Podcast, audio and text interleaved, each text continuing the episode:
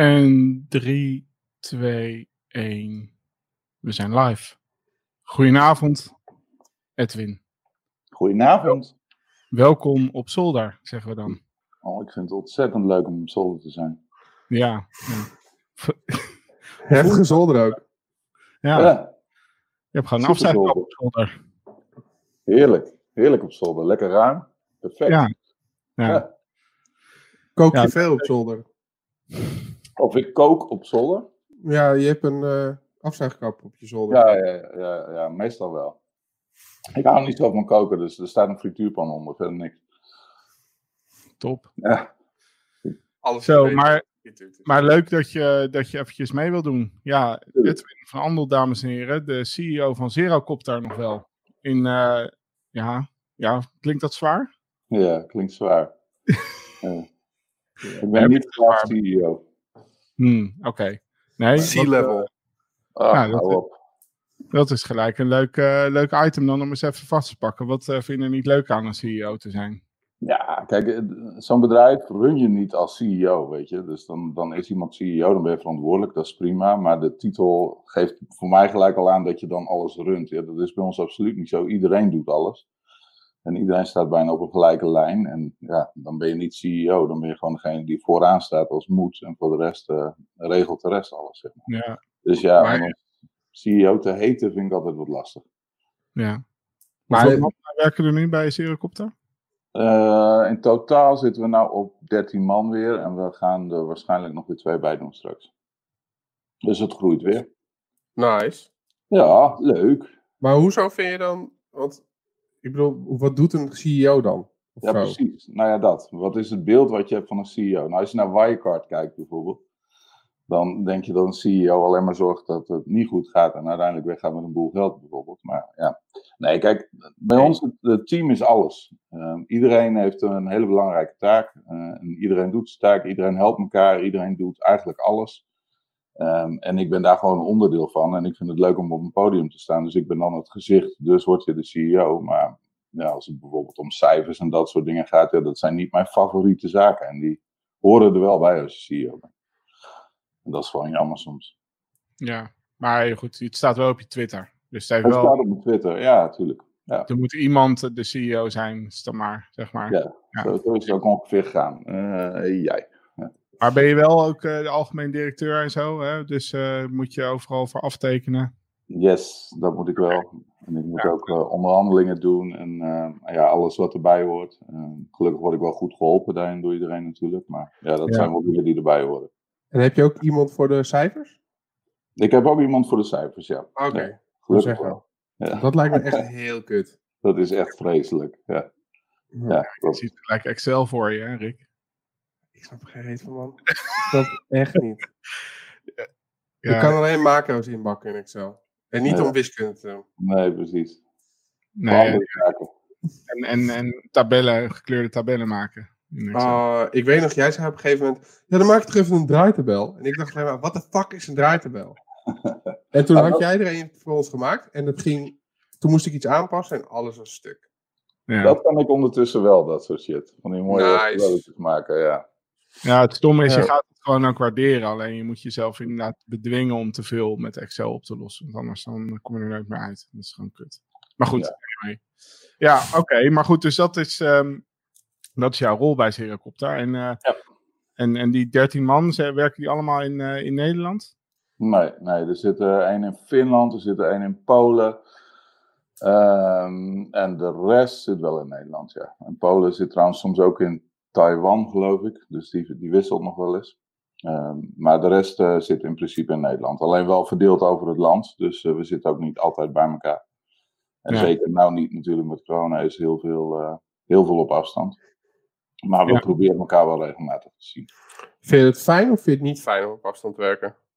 Ik vind het echt vreselijk, laat ik het zo zeggen. Ja, ik ben iemand Ja? die, ik, ik hou van congressen, ik hou van eh, mensen ontmoeten, eh, samen zijn, eh, met het team ook. Ik vind het gewoon belangrijk dat, dat je lekker met elkaar bent, energie van elkaar opdoet, ideeën krijgt. En ik merk toch dat dat door met zo'n videofeed, ja, is dat gewoon een stuk lastiger. En wat ik Ja. helemaal, helemaal dom vind, is dat iedereen aan het eind, en wij gaan dat straks waarschijnlijk ook doen, gaat zwaaien als je klaar bent. Toch, Ja, ik vind het Ik kan daar echt ple- plezier uit halen. Ja, vind je het leuk? Het, het, ziet, nee, het ziet er zo fucking dom uit dat het gewoon leuk is. Iedereen doet het. Ja, da- dag. Eh, Doei! Ja, maar wil- weet je wat het is? Sociale interactie via video is gewoon best wel moeilijk. Ja, Ik denk dat deze podcast ook beter wordt als we straks weer bij elkaar kunnen komen. Ja. Ja. dat denk ik ook. Ik denk dat je nog veel meer lol hebt. Ja, ja, en er komt nog eens bij dat, dat eh, StreamYard is, is geen held eh, waar het gaat om twee mensen die tegelijk aan het praten zijn. Dat is ook bizar, want er kunnen, ik weet niet hoeveel audio, videofeeds tegelijk en dat gaat allemaal prima. Als we nu allemaal zo beginnen te bewegen, dan gaat, blijft het werken. Maar op het moment dat jij en ik tegelijk praten, kan je niet meer horen wie wat zegt. Nee, stom hè? Ja, dus nee, maar dat was. techniek is ook niet. En dat zwaaien heb ik laatst ook ontdekt. Dat is dus echt een ook sociale interactie. Gewoon om letterlijk te zorgen, aan te geven dat je niet iedereen in zo'n stream ehm, be- kan bedanken of dag kan zeggen, wat je normaal in het echt doet. Ja. Dus zwaaien om aan te geven dat het gesprek over is. En dat zit kennelijk gewoon in je instinct ingebakken of zo. Ja. Zo. Ja, ik, ik zat daarover na te denken, hoe dat dan straks gaat. Want eh, handen schudden is natuurlijk nog steeds no-no. Mhm. Maar je wilt toch op een of andere manier netjes. eh, ja, ik vind het gewoon netjes om iemand een hand te geven als je iemand ontmoet of als je eh, weer weggaat. Er zijn, er echt heel veel mensen die de elleboog er echt al in hebben hoor. Ja. Elleboogje tikken. Nou, Ja. Ik zat dus vandaag te denken: van, kunnen we niet zoals die Japanners doen, weet je wel, gewoon eh, buigen? Want die, zijn allemaal, die waren al bang voor menselijk contact. Nou ja. Eh, En jij, dat ook komen- jij, jij en ik komen niet zo ver als we willen buigen. hey, dat is prima. Dat is gewoon minder, minder effort. Zit wat in de weg.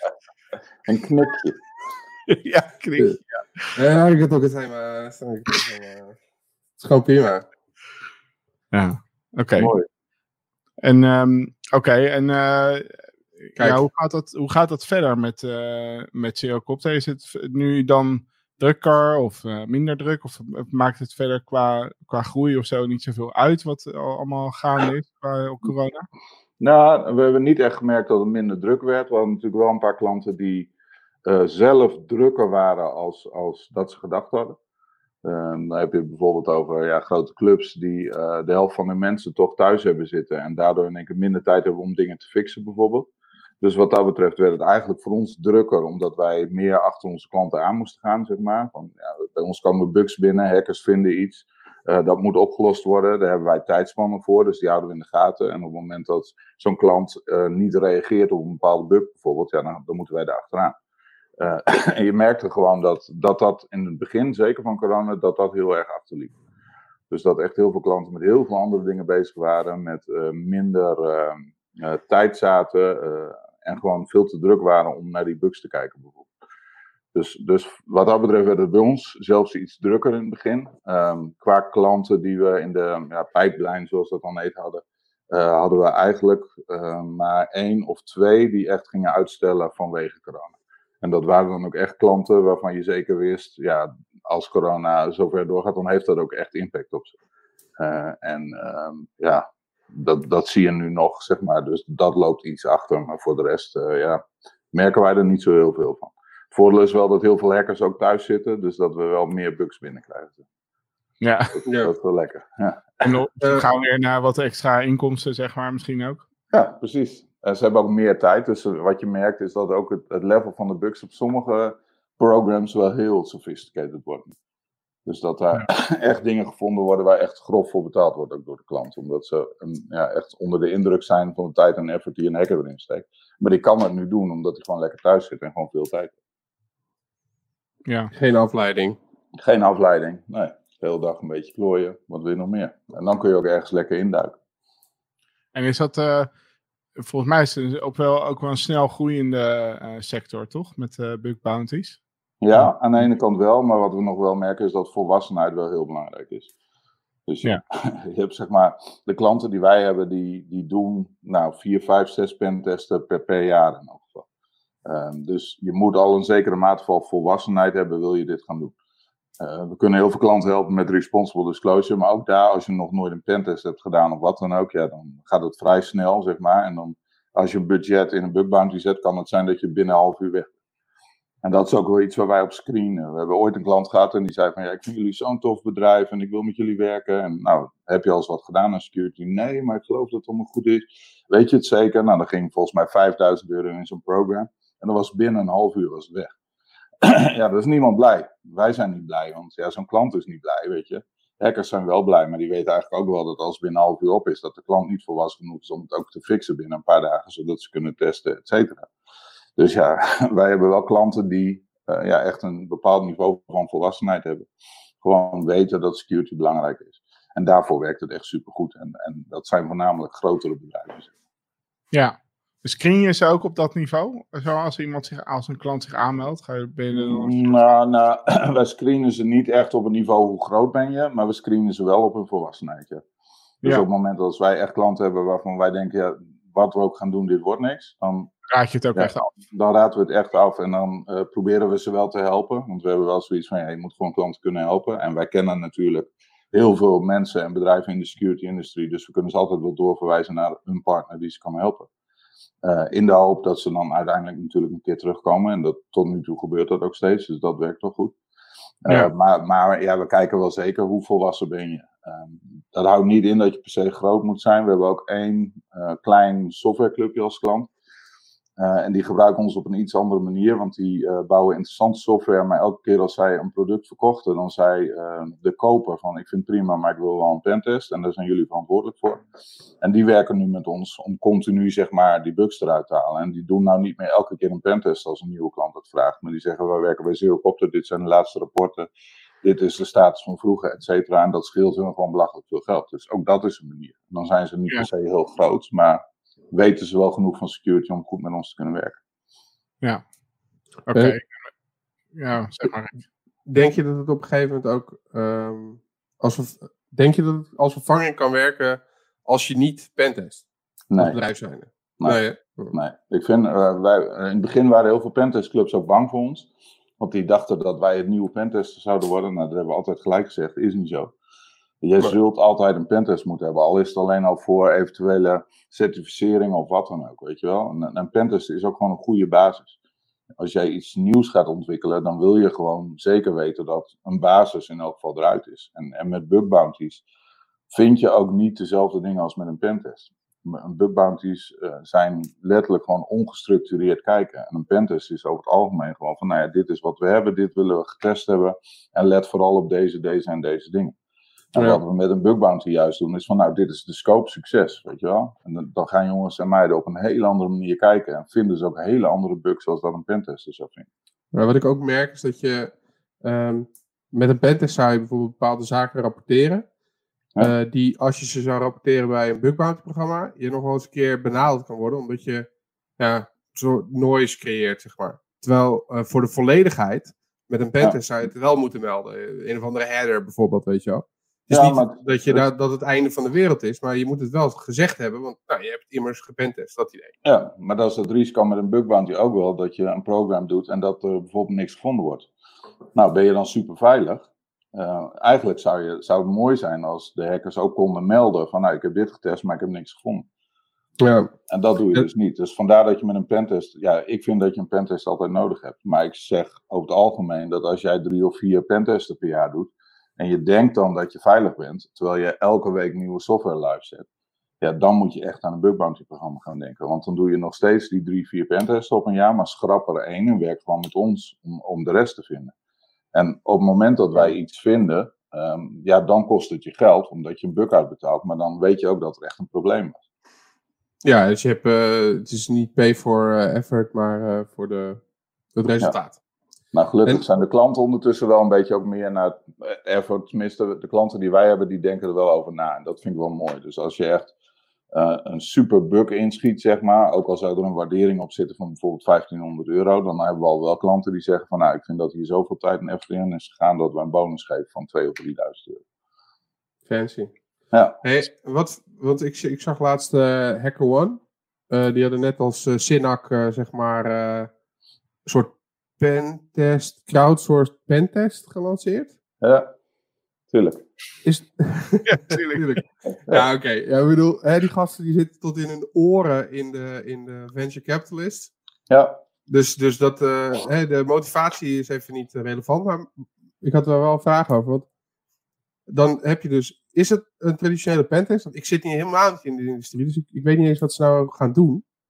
Ja, wat wij wel eens doen, uh, en dat is dan meer voor een klant die uh, echt specifiek iets nodig heeft, is wat wij dedicated hacker time noemen. Uh, mm -hmm. Maar wij noemen het absoluut geen pentest. Wat dedicated hacker time is, is dat je tegen een hacker zegt van, oké, okay, normaal zou je bugs gaan zoeken en als je wat vindt, schiet je het in. Voor een hacker zit daar natuurlijk een risico aan, want wat we regelmatig zien is dat iemand na een week zoeken eindelijk een bug inschiet die die heeft voltooid, zeg maar. Uh, en twee minuten daarvoor heeft iemand anders dezelfde bug ingeschoten, ja, dan ben je laat.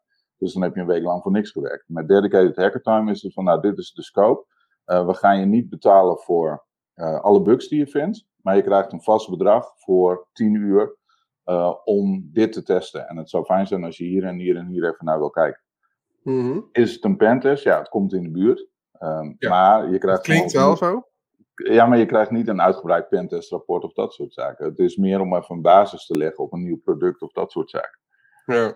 Weet je, en Ja. voor een hacker is het heel fijn, want die heeft gewoon in één keer een vast inkomen, want die weet zeker dat hij ehm, dat bedrag krijgt, ehm, terwijl die aan het zoeken is. En niet het risico heeft dat alles wat hij in gaat dienen een duplicate is. Ja, dat is natuurlijk sowieso wel heel relaxed. Ja. Maar, maar ik zit me dan ook. Ehm, dan denk ik, oké, eh, dat klinkt gewoon als een, eh, als een reguliere pentest. Maar dan zonder het fancy rapportje. Eh, ik ik heb, ben ooit begonnen bij, ehm, bij Hofman. Ja. Nou, daar, daar, heb je, daar heb je rapporten. Beveiliging is goed. Maar Hofman is, is beter, zeker. Ehm, nee, maar daar had, je, daar had je echt rapporten, rapporten, zeg maar. Met, Ja. met ook nog een redactie, die ging overheen. En, en werd door twee mensen gereviewd. En dan op het laatst nog door een secretaresse die heel goed was in Nederland. Ehm, en die, die, dat, hè, dat was echt een ding. Dus ik weet ook nog dat ik eh, later eh, samen met, vooral heel veel met Wes, weet je wel, rap- moet een mooi rapport worden, moet, eh, moet netjes. Dat was op een gegeven moment, maar dat was echt een ding waar we naar streefden. Dat is een beetje, een beetje dommig. Ehm, eh, Ja, maar maar hoeveel wat tijd ben je kwijt aan een rapport? fucking veel. Ja, en hoeveel. Maar- je, je klant betaalt jou om dingen te testen, weet je? En ik snap Ja. dat klant een rapport wil, maar Nou, dat, dat, dat, dat zegt, Wes zegt het ook altijd. Ja, we moeten wel netjes rapport.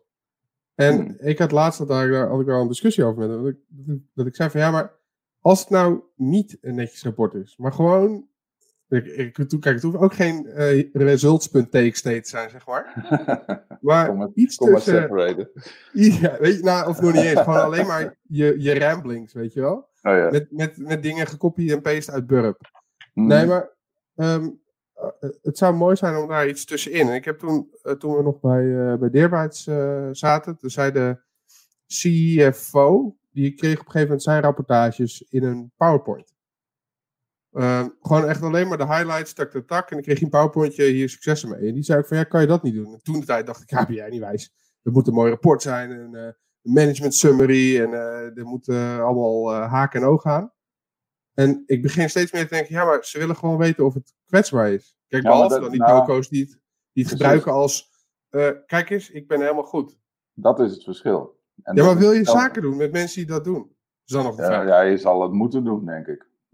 Dat, hou je toch. Dus hetzelfde als we- waar wij voornamelijk mee praten als we eh, bezig gaan met nou ja, sales. Klinkt zo hard bij ons, want dat doen we eigenlijk niet. Maar als we in gesprek komen met een bedrijf, dan hebben we een gesprek met een CISO. En die CISO's heb je ook in heel veel verschillende categorieën. Je hebt CISO's die echt ehm, alle certificaten ter wereld hebben gehad. En dat gewoon geweldig vinden. En die Mhm. gaan ook nooit open source neerzetten, want ze moeten van Cisco een, een vinkje hebben, weet je wel. Eh, ze moeten eh, dit hebben, ze moeten dat hebben. Nou, die mensen die zullen altijd een pentest willen hebben en die zullen aan willen tonen dat ze gewoon goed getest zijn, et cetera. En je hebt ook CISO's die dat geen bal interesseert, maar die gewoon het token veilig willen hebben. Dan zeg ik niet dat die ene CISO dat niet wil. Maar ze zijn allebei eh, ja, van een andere school, zeg maar. Dus ze zijn ook gewend om op een andere manier gerapporteerd te krijgen of zelf te rapporteren. En als je bij de een aankomt met een eh, security.txt, zal hij er super blij mee zijn, omdat hij gelijk kan fixen. Als hij bij Mhm. een ander aankomt met dat, die zal terugsturen omdat het geen rapport is. Ja. Dus je hebt altijd met zulke soort mensen te maken. Maar intern heeft een CISO ook weer een geweldige struggle. Want ze hebben een CTO die verantwoordelijk is voor de devs bijvoorbeeld. Nou, dan krijg je al je rapporten binnen, die stuur je naar de CTO, die moet die gaan fixen. Nou, de eerste keer wil hij dat wel doen. Maar als jij bug bounties gaat doen en 40 keer komt dezelfde bug binnen, dan heeft op een gegeven moment de CTO ruzie met de CISO. Weet je wel, dat, dat zijn 100%. allemaal van dat soort dingen. En daar zitten wij dan vaak weer tussen. Dus dat is heel interessant. Superleuk ook. Soms ook niet, Ja. maar ja, het hoort erbij. Ik- Ik heb een keer in een vergadering gezeten. eh, samen met Wes. Hm. en, waar, is, ehm, waar is West trouwens? Komt hij niet? eh, Joh, die zit op de bank. Die Eh, is altijd bang. Die is altijd bang. ja, met die- met die- zijn- met pony? Ja. Eh, de pony is bij zijn ouders, hè?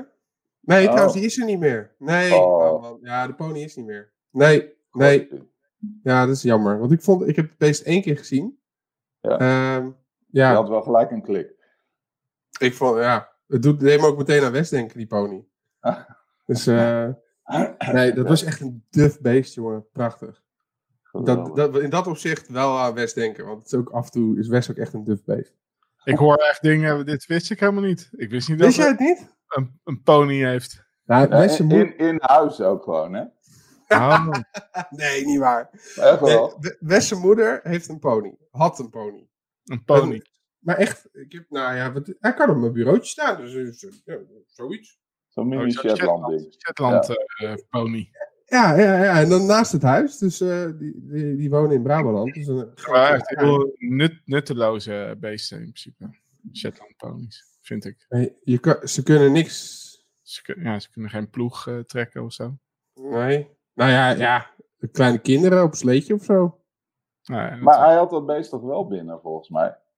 Nou, misschien dat hij die af en toe naar binnen mocht of zo. Maar ik heb een keer een presentatie gegeven met een foto van een pony binnen. En volgens mij was dat met Wesley. Maar ik weet het niet.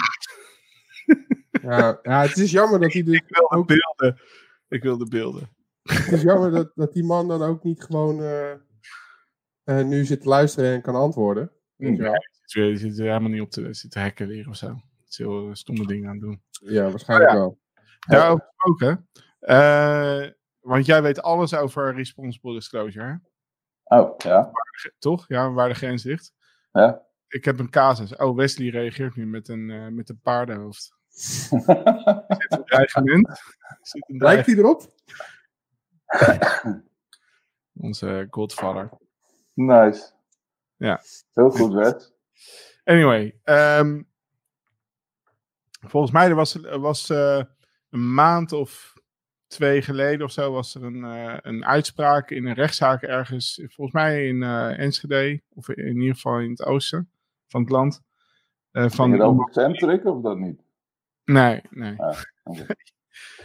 Nee, dat blijft gewoon doorgaan. Maar dat ging over eh, iemand die even iets te enthousiast, eh, volgens mij een tandartspraktijk of een huisartspraktijk of zoiets, had, eh, had geïnformeerd over een kwetsbaarheid in hun systeem. En in plaats van dat gewoon alleen maar te melden, nou, ik had gezegd, ja, je moet eventjes mij inhuren om dat te fixen. Je was 16k. Was de offerte, 16k. Ja, Ja. En eh, nou goed, dus eh, nou, dat, dat, dat dat niet responsible is, dat, dat, eh, dat begrijpen we allemaal. Alleen daarin die uitspraak werd ook wel een be- beetje gezegd van je kan ook gewoon niet zomaar iemands systeem testen zonder diens toestemming. Nou, dat wisten we ook wel. Alleen, Ja. het is best wel. Het was ineens, volgens mij werd, werd de definitie iets enger van wat je dan eigenlijk wel mag doen om iets gewoon alleen maar aan te tonen.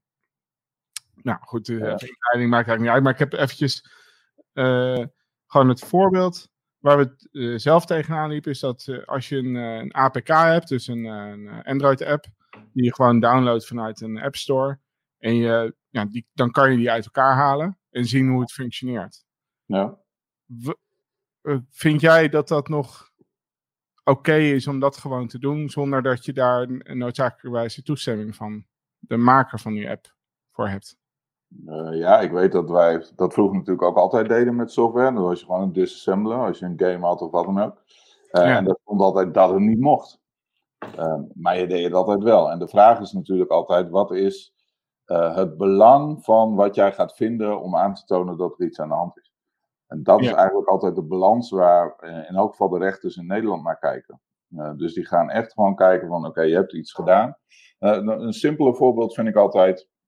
Eh, je komt op een loginpagina. Nou, ja, dan ga je admin admin intikken.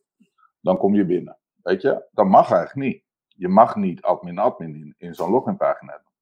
Maar op het, moment, ja, op het moment dat jij dat doet en het blijkt dat daardoor alle gegevens van, weet ik veel, anderhalf miljoen Nederlanders op straat liggen, omdat iemand zijn site met admin admin heeft beveiligd, dan uh, word jij voor de macht, voor de rechterlijke macht, word jij niet vervolgd. Omdat jij een aanmerkelijk belang hebt aangetoond, als het ware, waarom jij dit gedaan hebt. Om de mensheid te helpen, te waarschuwen, et cetera, et cetera.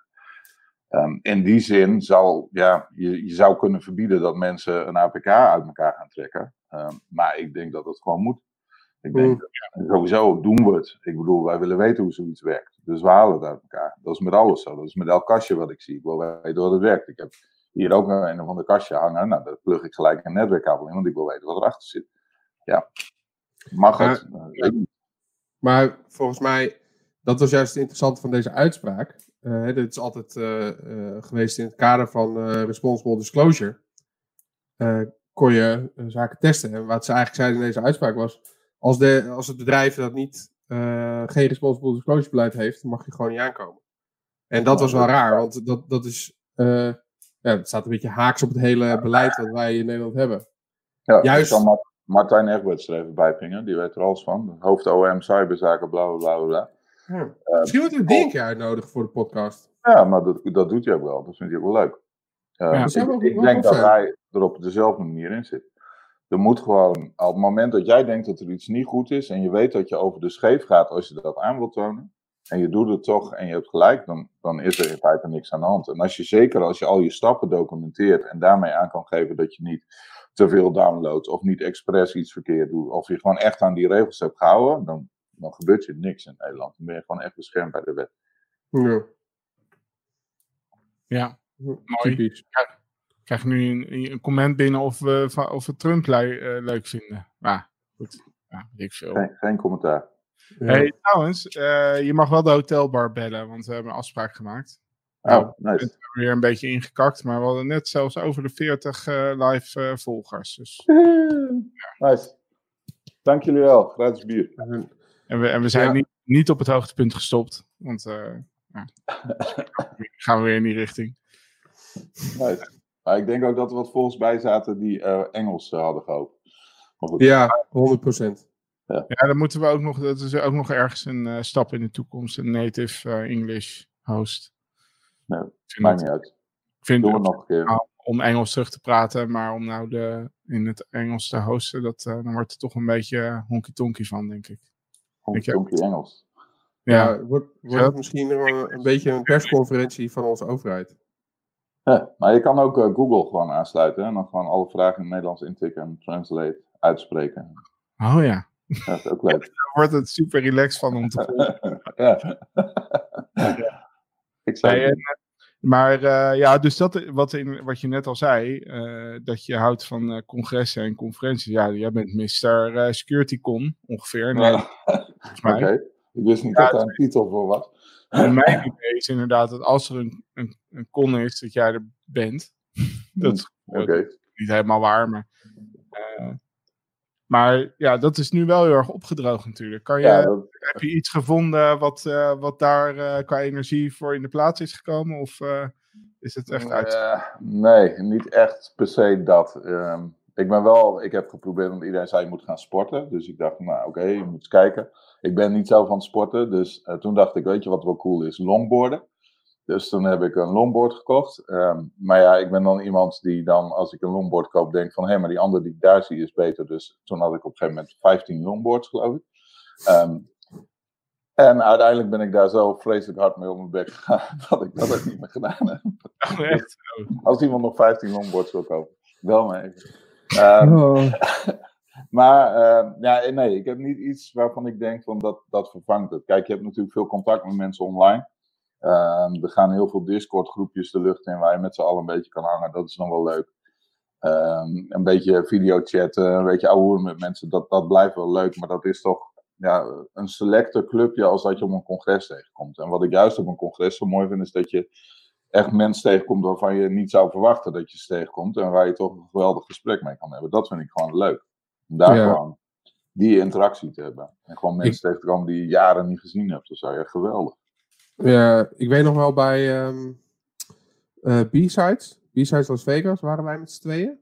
Oh ja, toen heb ik jou nog zo'n pasje kunnen ritselen, toch? Ja, ja, ja. Toen, ja, ja, Want, er waren geen kaartjes meer, er was helemaal niks meer. En toen hebben we van een van de mensen die in de organisatie zat, mocht ik dan tijdelijk even zijn pas om. En dan kon hij, hij kon daar gewoon rondlopen zonder pas. Ehm, en dan, nou, dan ben je op B-sides en dan denk je, nou, dan gaan we nu alle talks bekijken. En we hebben uiteindelijk niks gezien. Nee. En we zijn gewoon in de, ja, je had een, een zaal, daar kon je zitten en bier drinken. Ja. En we hebben volgens mij vier of vijf uur bier zitten drinken. En ik heb daar echt de meest uiteenlopende mensen eh, ontmoet en gesproken. Ja. Ik haal er ook heel veel energie uit. Ik vind het Ja, heel leuk. Dat is het mooiste, maar dat is hetzelfde als we naar Defcon gaan. Ik zit meestal aan de bar ergens. En dan Ja. wel in zo'n looproute, dat ik iedereen die ik langskom, dat ik die kan zien en mee kan kletsen en mee kan ouwe hoeren. Gewoon in een rondje, in, gewoon in midden in het casino ergens. Ja, Zo. ja. Ja, maar wel in de looproute. Welk casino is Defcon ook alweer?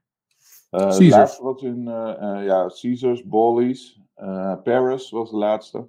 Eh, en wij zaten meestal in de Paris bar, omdat daar een, een lus liep, zeg maar, met mensen die heen en weer gingen tussen. Dat was die ronde bar, toch? Ja, Ja. Ja. Ja, dat was vlak voor de roltrap. Eh, Daar, daar kwam letterlijk iedereen langs. Ja. Want iedereen moest die hele grote roltrap op. Ja, dat was, dat was in de Caesars. En de laatste jaren was het in Paris. Daar heb je ook zo'n soort ronde bar met zo'n eh, ja, straatje, een mooi Parijsachtig straatje. En daar zaten we dan. Maar dan komt gewoon iedereen langs. En dan, eh, dan zit één iemand die je kent, die komt erbij staan. Die heeft weer twee of drie vrienden bij zich. Nou, die leer je dan ook kennen. En de volgende dag komen die langs en die gaan wij aan. En voor je het weet, sta je met 10, 15 man steeds hoeren. En daar Ja. leer je het meest van, vind ik. Dat vind ik echt Ja, je- geweldig. Je leert er in ieder geval een hoop, eh, hoop mensen kennen. Dat vind ik zelf heel erg leuk. Ja, Maar goed, ja, ja, ik heb ook nooit, ik weet niet hoe het bij jullie is, maar ik vind die talks ook nooit, nooit leuk. Ja, er zijn wel hele goede talks bij. Maar als je echt een goede talk wil zien, dan kun je ook op Defcon ook wel beter gewoon naar je hotelkamer gaan en even de stream aanzetten. Ja, dan maar, heb je gewoon en goed beeld en eh, Mooi is dat. hè? je krijgt alles mee. Ja. ja, maar ik vind ook, ehm, er zijn zeg maar op een, op een Defcon, en nou, ik weet niet hoeveel presentaties worden daar gegeven, denk je op een dag? 200? Eh, al, ja, al die verschillende mini-cons naast elkaar. ja, ja, sowieso. Nou. Ja. Als er dan twee goede gegeven worden, dan is het veel. Ja, ben ik niet met je eens. Ik denk wel dat er veel meer goede bij zit. Denk je? Dat denk ik wel. Maar dat hangt ook van je interesse af natuurlijk. Kijk, sommige mensen zijn heel erg geïnteresseerd in hardwerking. Ja, als jij dat niet interessant vindt, dan is het niet leuk. Maar als jij daar echt niet Nee. geïnteresseerd bent. Nee, sowieso, sowieso. Ik bedoel even los van of je het onderwerp interessant vindt. Ik denk gewoon dat ehm, heel veel presentaties eh, hadden ook een blog kunnen zijn. Ja. Eh, ik, ik, ik bedoel gewoon dat uiteindelijk kan het wel informatief zijn. En het kan wel. eh, eh, je kan er wel iets van leren, maar dat, is dan niet, dat maakt geen goede presentatie. Nee, oké. Maar Ja, wat vind jij een goede presentatie? Dat is dan een vraag. Nou, ik wil, ik wil iets leren. Hey, er moet iets inf- informatiefs. Dus dat is al eh, subjectief. Want één iemand, als jij het al weet en je komt daar, dan leer je al niks meer. Nee, Hè? Dus nou, it, hap it happens. Maar whatever. Dus je wil iets leren. Dan vervolgens wil je vermaakt worden. Hè? Mhm. het, het moet gewoon... eh, eh, eh, je moet het gevoel hebben dat... Oh, een leuke presentatie. Die gast vertelt goed. Of hij vertelt grappig. Kan ook. Dat Ja. mag allemaal. Eh, en als laatste, geïnspireerd worden. Dus ik weet nog heel goed.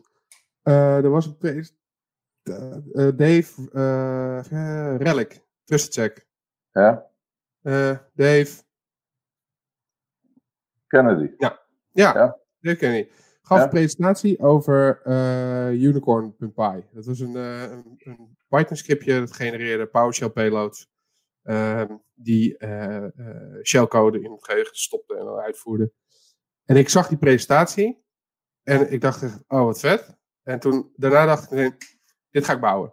Mhm. En vervolgens heb ik eh, eh, functies toegevoegd aan Unicorn.py en, en daar aan bijgedragen. Eh, En ook een paar blogjes over geschreven. Want het was gewoon zo vet. dat Ik dacht, ja, dit is het. Ja, maar dat, dan, dan ben je eigenlijk niet eerlijk. Kijk, het idee van Defcon, en ik val jou absoluut niet aan hoor, maar het idee van Defcon is natuurlijk dat je mensen de kans geeft uit de hele wereld die iets met security willen doen. Ja. Eh, en daarom zul je ook zien dat op Defcon heel veel talks die bijvoorbeeld op Black Hat gehouden worden, ehm, die komen helemaal niet in Defcon terecht. Defcon kijkt wel echt naar mensen. En als jij het over Dave Kennedy hebt, ja, dat is een, een seasoned presenter. Dat is een hele gave gast, een goede vriend van mij ook. Eh, geeft geweldige feesten trouwens op Vegas. Eh, jullie hadden vorige week of twee weken geleden, hoe heet hij ook alweer? Olaf. Jongen, Olaf had jullie erin. Nou, die was ook toevallig op het feestje van Dave in hun villa. En die hebben dan in Vegas een volledige villa met een wildwaterbaan om het huis heen. En weet ik veel wat allemaal. Ja, super vet feest. Maar dat is gewoon een geboren presenter. Die kan, maakt niet uit wat hij vertelt. Je hebt gewoon Ja. lol, je bent geïnspireerd, je bent overtuigd en je wil het doen. Maar als iemand iets ontdekt heeft en daarover wil praten en dat voor het eerst doet op Defcon, ja, dan is de prestatie misschien niet geweldig, maar. Het is wel interessant. En dat doet Defcon natuurlijk wel goed, vind ik. Ze geven wel Ja. mensen een kans om te leren. Ja, maar dan, dan ga je daar dus heen, omdat het een onderwerp is wat jou toevallig interesseert. Mhm. Maar als jij eh, gewoon daar rondloopt en je denkt, huh, presentatie, en het, het onderwerp boeit je niet, dan staat daar eigenlijk iemand eh, te stotteren over iets eh, waar die zelf helemaal in is. En Ja. dat is niet, niet positief, dat is niet per se negatief, maar dat, dat is niet dat ik denk van, nou, daar ga ik even een uur zitten. Nee. Weet je wel? snap En, en dan Dat maakt de presentatie ook niet, niet. Tenminste, die presentatie is nog steeds niet goed, want het is geen goede presentatie. Maar dat wil niet zeggen dat het onderwerp wat hij heeft niet interessant is, of dat de shit Nee, die hij heeft uitgevoerd niet heel slim zijn. Maar, dat is, maar wat is jouw eerste presentatie voor een groot publiek? Ja, was kut. Ja, Ja. ik, Ja, Ja. die was niet goed. Kijk, nou, en dat in nu, als je nu een presentatie doet, dan vindt iedereen het geweldig en dan lacht iedereen. En dat komt omdat je gewoon ervaring opgedaan hebt. Ja, ja, Defcon is natuurlijk wel iets wat mensen die kans geeft om die ervaring op te doen. ja dat is ook hartstikke tof. Eh, ehm, weet, ja, je wie, nou ja, nou, weet je wie weer een presentatie gaat geven op Defcon? nee, Wesley. helemaal niet. wie- Hij heeft net eh, bevestiging binnengekregen dat ze zijn talk-submissie eh, cool vinden. Nice. Is Ja. onze talk geaccepteerd? Ja. Fucking vet. Nou, ja, nou, wat bitje over de presentatie. ja, jongen, die, die, nou kan ik echt helemaal geen kant meer op.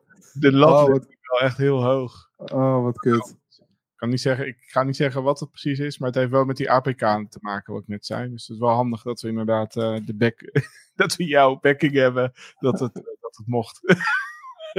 Heel goed. Heftig. Recorded. Ja, Uh, cool. Oké, alles wat ik eh, na, na aanleiding van deze tip, eh, alles wat ik net eh, heb gezegd over presentaties en de kwaliteit daarvan, trek ik Ja, terug. nice. dit, dit wordt allemaal opgenomen, toch? Dus dit kunnen Ja, we maar- wel even... Ja, maar kan het er? Ik heb eh, Adobe Premiere. Gelijk naar YouTube. eh, dus, eh, Oh, Op Eh, de dark oh, heftig. wel even sturen. Ja. Dus, oh, maar, nice, hè? want we kunnen wel, dat is wel leuk, we kunnen dit jaar allemaal naar Defcon. ja, op afstand. Eh, ja. Maar eh, kan, k- zouden wij dan, want op zich, wanneer is het ook weer? Begin augustus? Ja, meestal wel. Meestal de eerste week van augustus ongeveer. Maar in Nederland zou je dan in theorie op zich nog wel iets mogen organiseren. Om dat gezamenlijk te kijken of een beetje een soort van in sfeer eh, mee te maken. Ja, maar tot 100 man binnen. ehm, met anderhalve meter.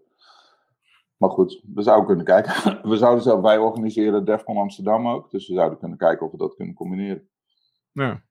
Gaan we met z'n allen kijken naar de talk van Rick en Wesley. Live. Defcon. Amsterdam. Ah, dat zetten we jullie op een podium. Geweldig. Oh, ja. ja, inderdaad. Dat, je dan, dat we dan livestreamen vanaf een andere conference. Dat Vanaf maakt wel Defcon meer. Defcon dan Defcon. Ja, nou wie weet. Ik zal er eens over nadenken. Ja, eh, oh. Ik heb ook een grote bek. Ik moet ook niks zeggen ook. Nou ja. ja het, eh, maar eh, oké. En wat, is, eh, wat vind je de leukste, wat vind je de leukste con? Wat vind ik de leukste kom? Ja. Nou, dan, dan moet ik natuurlijk Last Unicorn kom zeggen. Oh. ja, kom op De, man. co- de conference die nooit is, ge- die nog niet is geweest. Wij hebben ooit eh, een conference bedacht, Last Unicorn Con. Daar hebben we shirts voor laten drukken. Last Unicorn Con 2000, wat was het? 16, 16. 15, 2016. Ja, Heel vet logo van een brakende eekhoorn met bier in zijn hand en weet ik veel wat. Een brakende eenhoorn, sorry, geen eekhoorn. Ehm, en eh, we hadden wat mensen op Twitter her en der die erover gingen schrijven over hoe erg het was. En dat de politie gekomen was. En eh, weet je wel, en dat ging echt helemaal hype. Dus iedereen had zoiets, waar is die kom? Ik wil erheen, weet je wel. En wij, nee, nee, het is een close kom, daar kan je niet zomaar heen. Dan moet je echt wel uitgenodigd worden. En, en op een gegeven moment begon dat echt zwaar te leven. Maar het is gewoon nooit geweest. Dus. Oh, ik, ik weet nog dat jij, dat jij op een gegeven moment, eh, volgens mij appte of zo.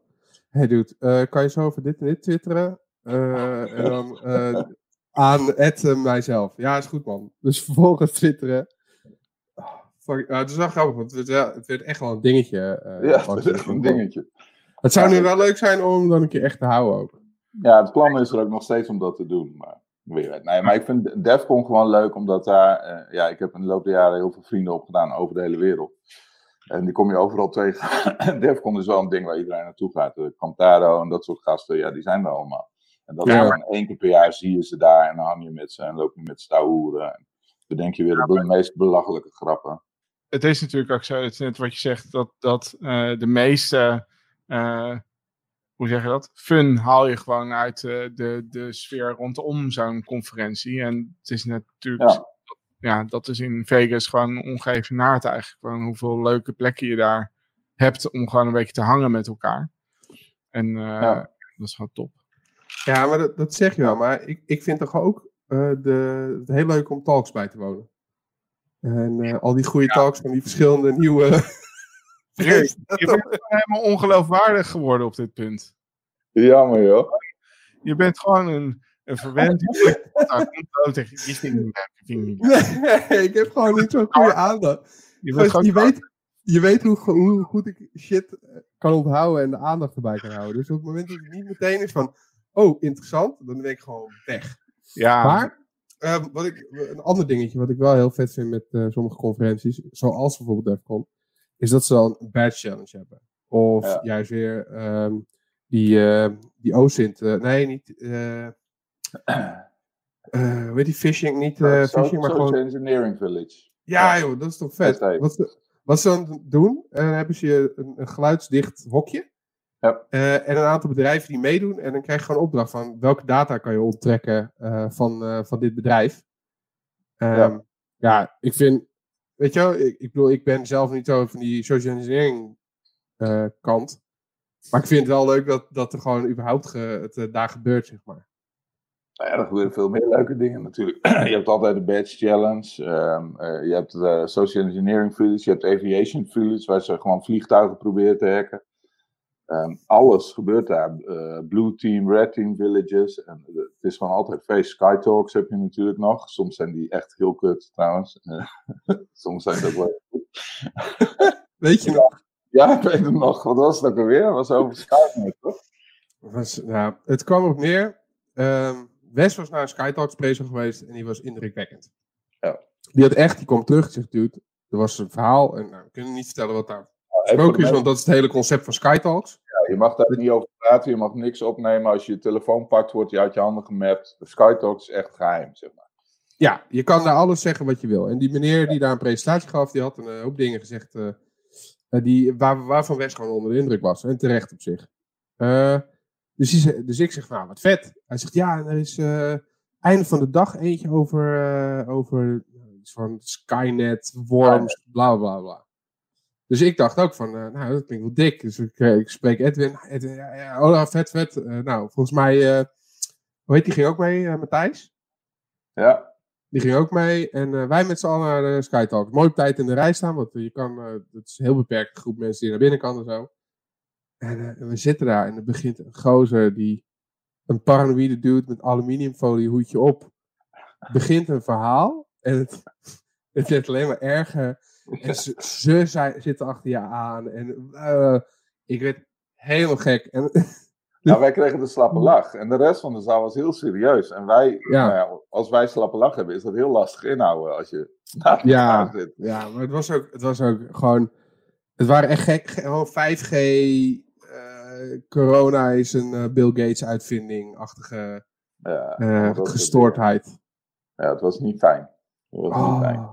Nee, en de rest van de, van de Defcon hebben we toen Wesley Skynet genoemd. Ja, continu. Dat had, wel- hij, had hij jullie er een beetje ingerikkeld? Of uh, nee. Nee, Maar hij dacht ook dat het superleuk? Hij dacht Nee. ook, oh, dat wordt kicken. Nou, Maar dat ging niet Ja. door, dat was niet zo'n feest. Maar ja, aan de andere kant, eh, eh, ik zit ook nog in een DEFCON groep waar ik niet over kan praten. Daar doen we ook wel eens leuke dingen mee. Zo hebben we, twee jaar geleden hebben we een CTF gemaakt. Ehm, met die Defcon groep waar ik niet over kan praten. Ehm, met ehm, heel veel video, gewoon echt video, rare videoshoots gedaan van wazige mensen die in een bos dansen. En dat was dan een clue. En we hadden een paar mensen op Defcon zo gek gekregen dat ze een, een uh, SSID gingen uitzenden. Um, dus als je op Defcon liep, dan, dan kon je die CTF gewoon gaan spelen. En heel veel mensen vonden het heel spannend, want er werd niet over gecommuniceerd, maar er was een CTF en je kon stappen doen en weet ik wat allemaal. En uiteindelijk zijn de mensen echt gewoon een week mee bezig geweest. En we hadden gewoon helemaal geen oplossing. Er was gewoon geen eind. We hadden gewoon wat random shit aan elkaar geplakt. Waar mensen gewoon een week lang op aan het beuken zijn geweest. En nooit achtergekomen zijn wat nou de bedoeling was, de oplossing of wat dan ook. Nou, dat, dat vind ik leuk. En is het uiteindelijk ook wel gecommuniceerd dat er geen oplossing nee. was? Of hebben jullie mensen gewoon ja. die nog steeds uh, in limbo? Ja. Wat super kut.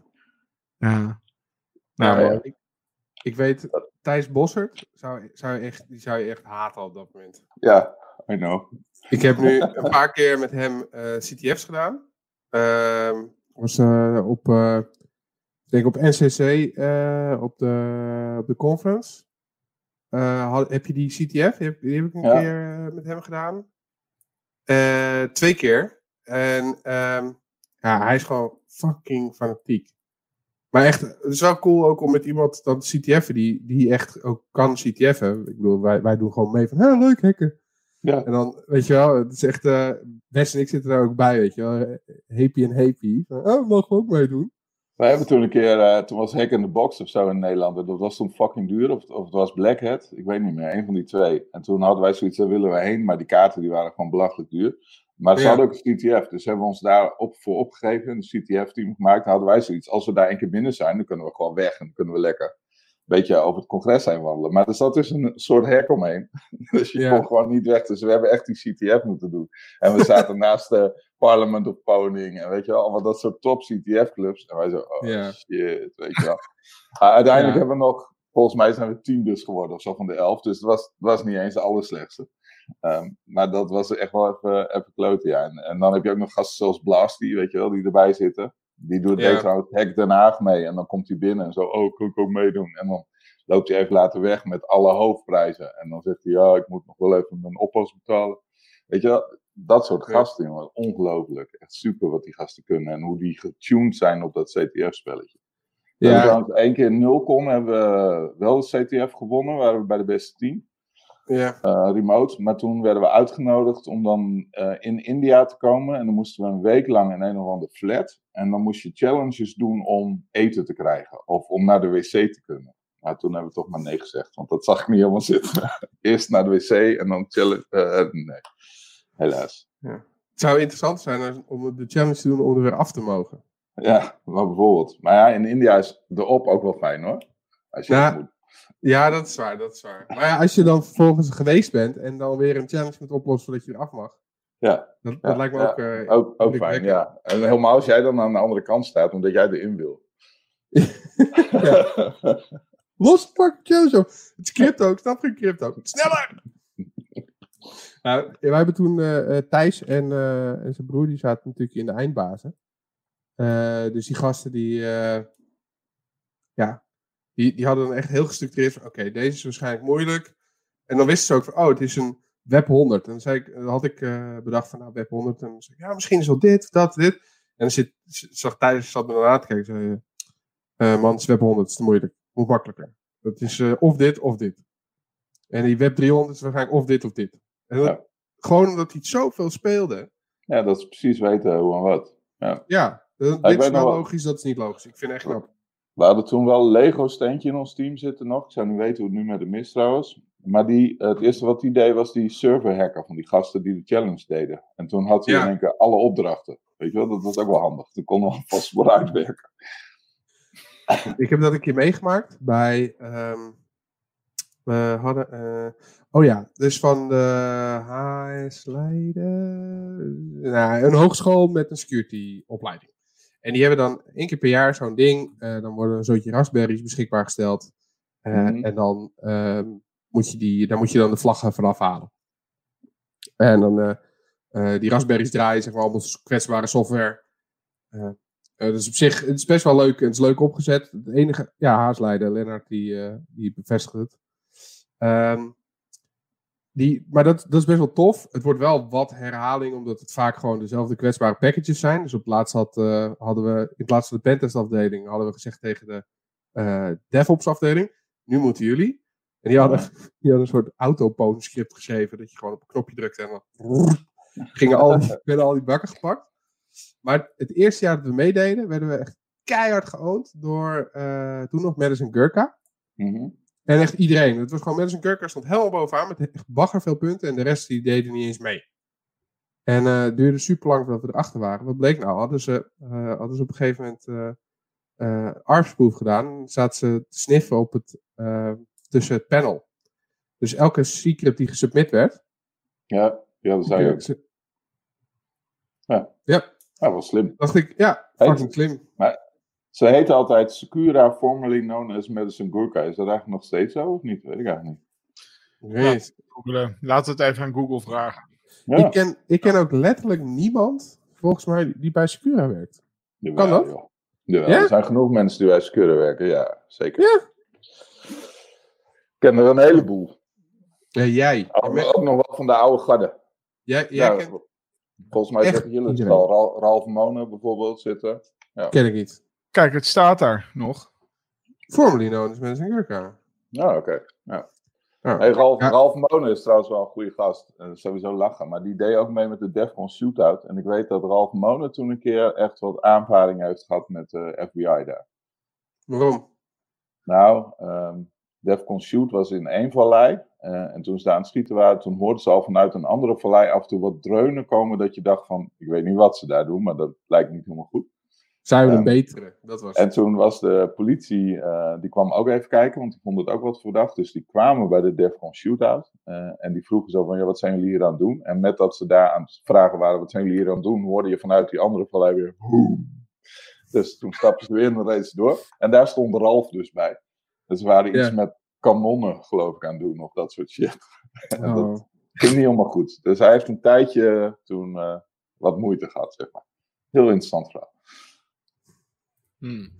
Hmm. Ik heb alleen in zo'n shooting range gewoon binnen een beetje Staan. daar. Ja, maar Defcon Shoot is wel leuk. Dat wordt gewoon elke Defcon georganiseerd. En dan kun je voor 20 dollar volgens mij kaart kopen. Of 40, ik weet het zo niet. Eh, je krijgt korting als je uit een non-free country eh, komt. Dus als je uit Ja. een, een land komt waar ze beperkingen hebben op wapens kopen, want dat is non-free volgens de Amerikaan, eh, dan mag je, krijg je 5 dollar korting. Nou, maar het is niet duur. Het is iets van Nee. 20, 30 dollar. En dan ga je naar de woestijn en dan liggen gewoon alle wapens die je maar wilde liggen daar. En daar kun je gewoon mee schieten. Dat is echt belachelijk. En super leuk Nee. om te doen. Ik heb het elk jaar dat ik er was me voorgenomen dat ik het ging doen. Ja, je hebt het nog nooit gedaan. Gewoon, en ik ben gewoon weer brak. zo fucking brak. Mhm. Oké. Hoe kan dat nou? Gierend. Ja, Hoe jij. nou? Oh, oh, tuurlijk. Krijg ik de Ja. schuld. Nou, weet je nog, die keer in. eh, we waren in. ehm, het feestje van Rapid 7, want dat is het feestje waar je. Waar je wat sowieso altijd lachen is. Ja, ik snap nooit Eh, hoe ze dat doen. Want dat feestje kost volgens mij 7, 8 ton of zo, hè? Ja, het, nou ja, het is echt gek uit. Ze doen altijd de duurste club. De, de, Ja. de grootste club eh, doen ze. eh, doen ze uit afhuren. En Ja, dan is het gewoon gratis drank. Inclusief ster- sterk, alles. Ja. Dat is echt bizar. Maar ik weet nog dat we daar toen op een gegeven moment waren. En dat, toen kwam ik eh Juriaan tegen. Jij Oh, was daar ook. En Juriaan die kwam erachter dat de drank gratis was. Dus die, die, die deed gewoon het, zeg maar zo tillen. Dus Ja. dan, ja, dan, dan weet je eigenlijk al het begin van het einde. Dan het was gewoon armen vol bier. Het moest ook allemaal op. En dat gingen we natuurlijk ook opmaken. Maar ik zou het echt een keer. Ik zou het lijkt me echt leuk om te doen. Want eh, er staan dus mensen die hun eigen wapen mee hebben genomen. En het jou gunnen om daar een keer mee te schieten. Ja. Ehm, dus het is net anders dan een eh, shooting range. Eh, en het is ook wel een heel sociaal, eh, sociaal ding. En het lijkt me ook vet. want die badge is ook altijd echt briljant. Van, hoe heet die? Eh, Oh. Ze hebben toen een keer, hoe heet het gehad? Eh, Zo'n kanonnetje, mini-kanon. Dat was de badge, een klein kanon. En een keer een, zo'n grenade launcher shell was de, was de badge. Die kwam niet door de douane heen. Nou, we sowieso met Defcon badges. Ze hebben toen zo'n Defcon badge gehad waar uranium in zat. Ja, Dat, ook. Ja. dat was de Black Badge, daar zat uranium in. Dat was echt heel lastig als je daarmee terug wil vliegen. ja. ja, maar dat was dan... Dat hebben ze ook ge- volgens mij gedaan, zodat die moeilijker na te maken was. Ja. Dat er weer heel veel mensen zijn die dat ding namaken. Maar dat vinden ze dan Maar- ook weer leuk. Als jij hem goed namaakt, dan mag je hem gewoon dragen. En dan, is hij, dan mag je er ook gewoon op. Ja. Ja, Overigens, ja what the fuck. Oh, dit gaat over... eh, eh, Over Rapid Seven, Rapid eh. Seven Party. Zijn taantjes. Visie, Ja. man. Nee, maar dat, jongens, dat is, hij zegt, eh, Olaf zegt fout dat het iets kost. Het is natuurlijk een investering. Ja. Dat snap ik allemaal. Ja. Oh, ik ga een klein. Ja, maar hij heeft wel gelijk. Ik bedoel, ja, iedereen die er wegkomt zegt, dit was het beste feest ooit. dus als je dan iets moet kopen en Rapid Seven komt, zegt, oh, die hadden zo'n goed feest. Weet je wat, we gunnen ze net iets meer. Dat is het idee. Precies, dus dat is ook een hele goede vulnerability scanner. Het is de enige vulnerability scanner die ik gebruik. Precies. Oké, nou, bij deze geregeld. Volgend jaar weer een feestje. Ja. Ik weet trouwens dat er heel veel gasten die bij Rapid 7 werkten, daar weer weg zijn. Maar goed. Ja? Ja, daar, zit, daar zat redelijk wat verloop in toen de tijd. Mm. Maar zij doen, doen zij nog steeds Metasploit eh, onderhoud? Of, eh, Ja, volgens mij wel. Ja. Volgens mij hebben ze meerdere scanners. En Metasploit is een van de onderdelen. En ze doen ook wel wat IoT shit. eh de Darren- meneer met, Darren eh, zit er volgens met- mij. Ja, met, met die lange snor. snor en lange baard. Ja. Ja, vet. Hey, en, eh, we, hebben, we hebben het helemaal niet over eh Encro, eh, En- EncroChat gehad nog. Maar ja, dat zei je eigenlijk al van eh, Edwin, daar heb je niet echt heel veel van meegekregen vandaag. Eh, ik had een vrij druk dagje vandaag, dus ik heb niet echt het nieuws gevolgd. Maar ik heb wel gehoord dat eh, de politie eh, weer iets briljants voor elkaar had gekregen met meelezen in chats. Ja, ze, ze waren zelf in ieder geval heel erg van in de nopjes. ik kan me wel voorstellen, want ze hebben schijnbaar dus echt van echt een enorme, enorm aantal criminelen gewoon ehm, echt, zeg maar, ja, opdrachten om, eh, om eh, weet je, moordopdrachten of ik wat, gewoon onderschept die gegeven werden. En daarmee dat, dat weten te voorkomen. Dus dan hebben ze echt gewoon eh, echt er middenin gezeten in die communicatie. Ja, maar dat En, hebben ze twee jaar geleden ook al een keer gedaan. Ja, ja. Nou ja, Iron Chat heette dat. Ja, Ja, maar het is wel opmerkelijk dat we als Nederlandje, zeg maar, toch regelmatig, we zijn denk ik langzamerhand wel bekend in de internationale opsporingswereld eh, om eh, de eh crypto-kraakcapaciteiten. Lijkt mij. ja. Nou ja, sowieso zijn we in Nederland wel goed bekend om onze opsporing. Maar dat heeft ook te maken met dat we in Nederland ehm, voor criminelen een vrij goed land zijn. En dat klinkt een beetje lullig, maar onze infra is natuurlijk supergoed. Eh en je kan bij ons heel makkelijk service overal neerzetten in datacenters. En dat kun je gewoon vrij makkelijk runnen. Dus vrij, eh, en plus dat pakkans ja, is, is natuurlijk niet nul, maar is ook niet super hoog als je dat goed, goed inricht. Ehm, dus we zijn ook wel een land waar vrij veel staat. Ja. Ehm, Ja. Er wordt hier ja, gewoon mega veel gehost. ja, nou ja, en de politie is daar natuurlijk fel op en die doen ook steeds meer en, en dat gaat ook steeds beter. Eh, maar dan is het ook wel, eh, ja, makkelijker is natuurlijk niet het woord, maar, maar beter, makkelijker, ja, toch om, om zoiets te doen en zoiets te gaan afluisteren of wat dan ook. Ja, ja, en ik denk ook dat, dat eh, de Nederlandse politie daar gewoon ook graag aan meewerkt. Ja, Eh, eh, en op het moment, ik bedoel, zoals nu met, met EncroChat. ik geloof dat ze, omdat ze mee konden kijken, hebben ze ook op het moment dat bepaalde keywords erin zaten, kreeg het bericht zeg maar hogere prioriteit. Dus als er bijvoorbeeld slapen had ik, las ik ergens, en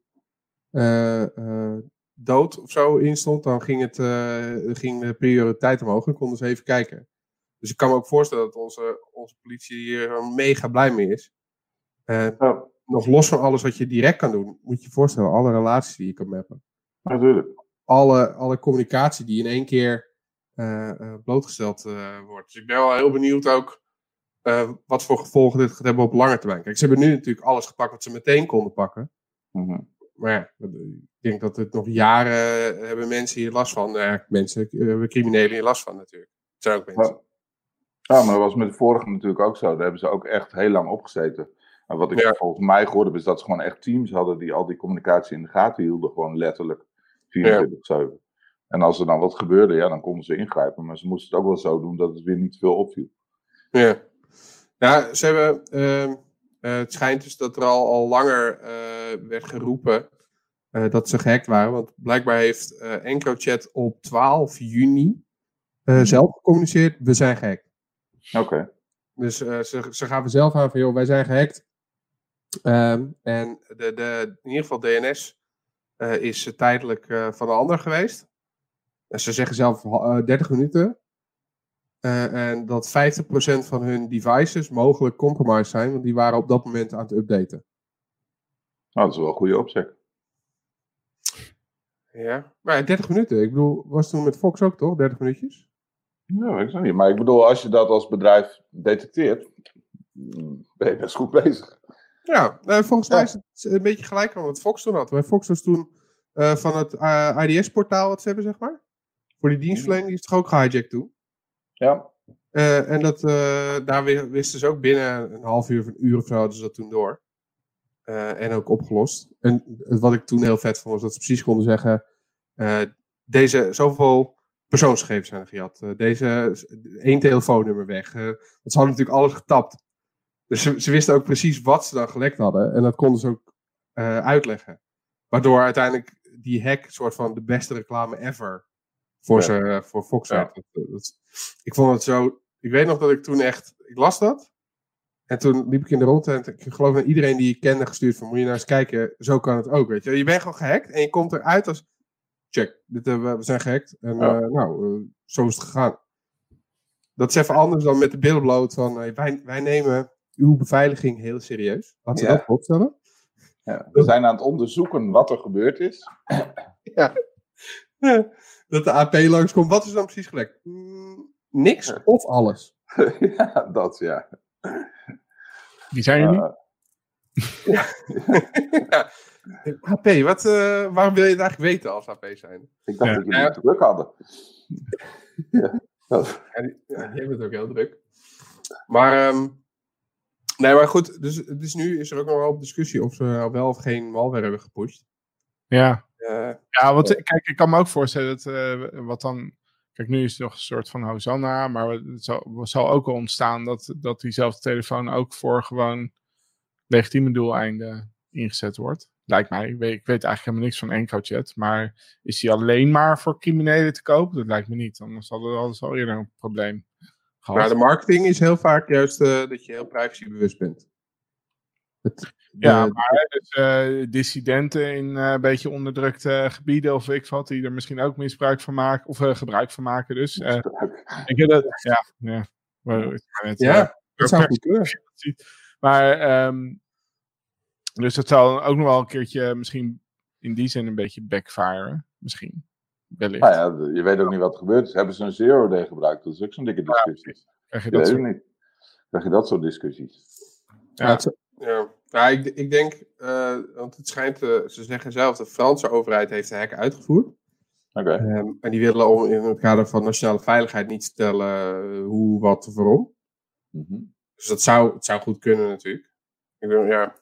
Ik heb trouwens een keer aan, ge- geluncht met de premier van Frankrijk. Ken je dat verhaal? Nee. Dat is echt super weird. ik moest naar Frankrijk voor een talk voor eh, Paris, bla bla bla, dag, weet ik veel wat. Ehm, en eh, ehm, dat was een dag waar eh, allerlei bedrijven een presentatie konden geven. Nou, dan moest ik dan ook een talk doen over hacken, was op zich super leuk. En toen was ik op mijn hotelkamer en toen kwam er, ehm, lag er een briefje onder mijn deur. En daar stond op dat ik uitgenodigd was voor lunch op een bepaald adres. Ja. Dus ik dacht, nou, dat is de organisatie. Prima, weet je wel. Dus ik stap in de Uber, ik rijd daarheen. Sta ik echt in een hele brede straat voor een stalen deur. Ja. Echt, what the fuck. Dus ik bel mijn organisatie op. Ik zeg van, eh, jongens, ik heb een brief van jullie gehad met lunch. Maar ik weet niet of ik hier goed zit, want het klopt niet. En toen zeiden ze, nou, punt 1, wij hebben geen eh, lunch. dus dat is niet van ons, maar waar sta je nu? Nou, Ja. daar en daar en daar. Toen was het echt heel lang stil. Ga maar gewoon naar binnen. dus ik klop daar aan, gaat zo'n luikje open. Nombre. Dus ik zeg, sorry. Nou, neem. Nou, Edwin- Edwin van Andel, luikje weer dicht. Luikje weer open. Paspoort. Uh, Oké, dus ik geef hem een ding, luikje weer dicht. Ik pak mijn paspoort, weet je. Dan mag ik terug. Nou, uiteindelijk ging de deur open, stond ik gewoon in zo'n Schiphol entry scan ding, weet je wel. Tas door de scanner, alles moest door de scan, body scan, hele mikmak. En Ja. uiteindelijk kom ik in een heel oud gebouw. Eh, super netjes, tafelgedekt, gouden bestek, hele mikmak. Premier van Frankrijk, lunch met die gast. En drie gasten, drie sprekers van dat congres waren uitgenodigd. En dat ging erover dat ze wouden in Frankrijk, in het kader van de brexit, wouden ze al die banken naar eh, Parijs eh, toe trekken. Ja. Eh, en aangezien wij wat van security wisten, of, of, ze, of we dan nog tips voor ze hadden. Over hoe ze dan veilige netwerken konden inrichten. En hoe we een bank konden overtuigen om in Parijs te komen. En dan zit je als Edwin van Andel echt zo. Ik hou niet van slakken. Weet je wel? Zo, zo apart. Maar ja, wel weer een super ervaring. ja, maar wat heb je uiteindelijk verteld? Ja. Wat, heb je, wat zeg je tegen die man? Ik heb uiteindelijk zitten vertellen, eigenlijk wat ik in Nederland ook doe, dat hackers best lief zijn. En dat je daar mee kan samenwerken en dat ze een infra goed kunnen testen. En, eh, allemaal dat soort dingen. Hoe klopt staat ja. aan- zij? Hoe- Zo van eh omelet du fromage? Omelet du fromage. Maar ja, ik spreek geen Frans. Nee. Maar het mooie is dat uiteindelijk heeft die gast twee dagen later een. eh, want het, het is dus niet Macron, maar die andere daaronder met dat baardje. Dat is de premier dan van Frankrijk. En die Ja. heeft een stukje van het Hackers Manifesto. Ja, Edouard Philippe. Die heeft een stukje van het Hackers Manifesto voorgelezen in een van zijn speeches later. Echt? Win. Wauw. Ja, super Dat vet. is wel vet. Maar, maar, maar ik, ik, zie me dan, heb je dan ook niet gewoon keihard nog gezegd van ja, weet je wat jij nodig hebt? Een bug bounty programma. Nee, dat heb ik nee, toen niet niet gewoon gelijk je ziel verkocht. Nee. Qu'est-ce que Nee. c'est? Bounty? Ja, Ja, Bounty? Ah, oui? Oh, Nee, dat, dat heb ik niet gedaan. Maar het was Oh, ja. wel een aparte ervaring. Ja, ja, dat kan ik me voorstellen. Maar waarom ook zo, weet je wel, dit is echt zo van een briefje van eh ontmoet Binnensteeg. Ja, nou ja, zoiets was het. Het was heel netjes hoor, met gouden lettertjes en zo. Het zag er heel fancy Oh, uit. het, wa- je, je kon wel aan, ook aan eh, het was in ieder geval goed voorbereiden, ontvoerder. Het slash verkoper. leuk. Hij had ook eh, hij had helemaal niet zoveel tijd. Het was volgens mij eh, drie kwartier of zo dat hij er zelf bij was. Ja, We begonnen eerst te eten, bla bla. En toen kwam hij op een gegeven moment binnen, ging hij ook zitten, nam één bordje en toen ging hij uiteindelijk weer weg. Maar Oh, oké. dan- En- en jij- staat met andere sprekers. ja, ja, was leuk. Hoe kom je daar überhaupt? Welke conferentie was dat dan? Ja, god, hoe heette dat nou? Ehm, FD Days of zo heette dat volgens mij. Frans Digitaal en dan eh Days. En dat was Ja, oké. door, door de Franse overheid volgens mij. Die hadden al, C1 of zoiets?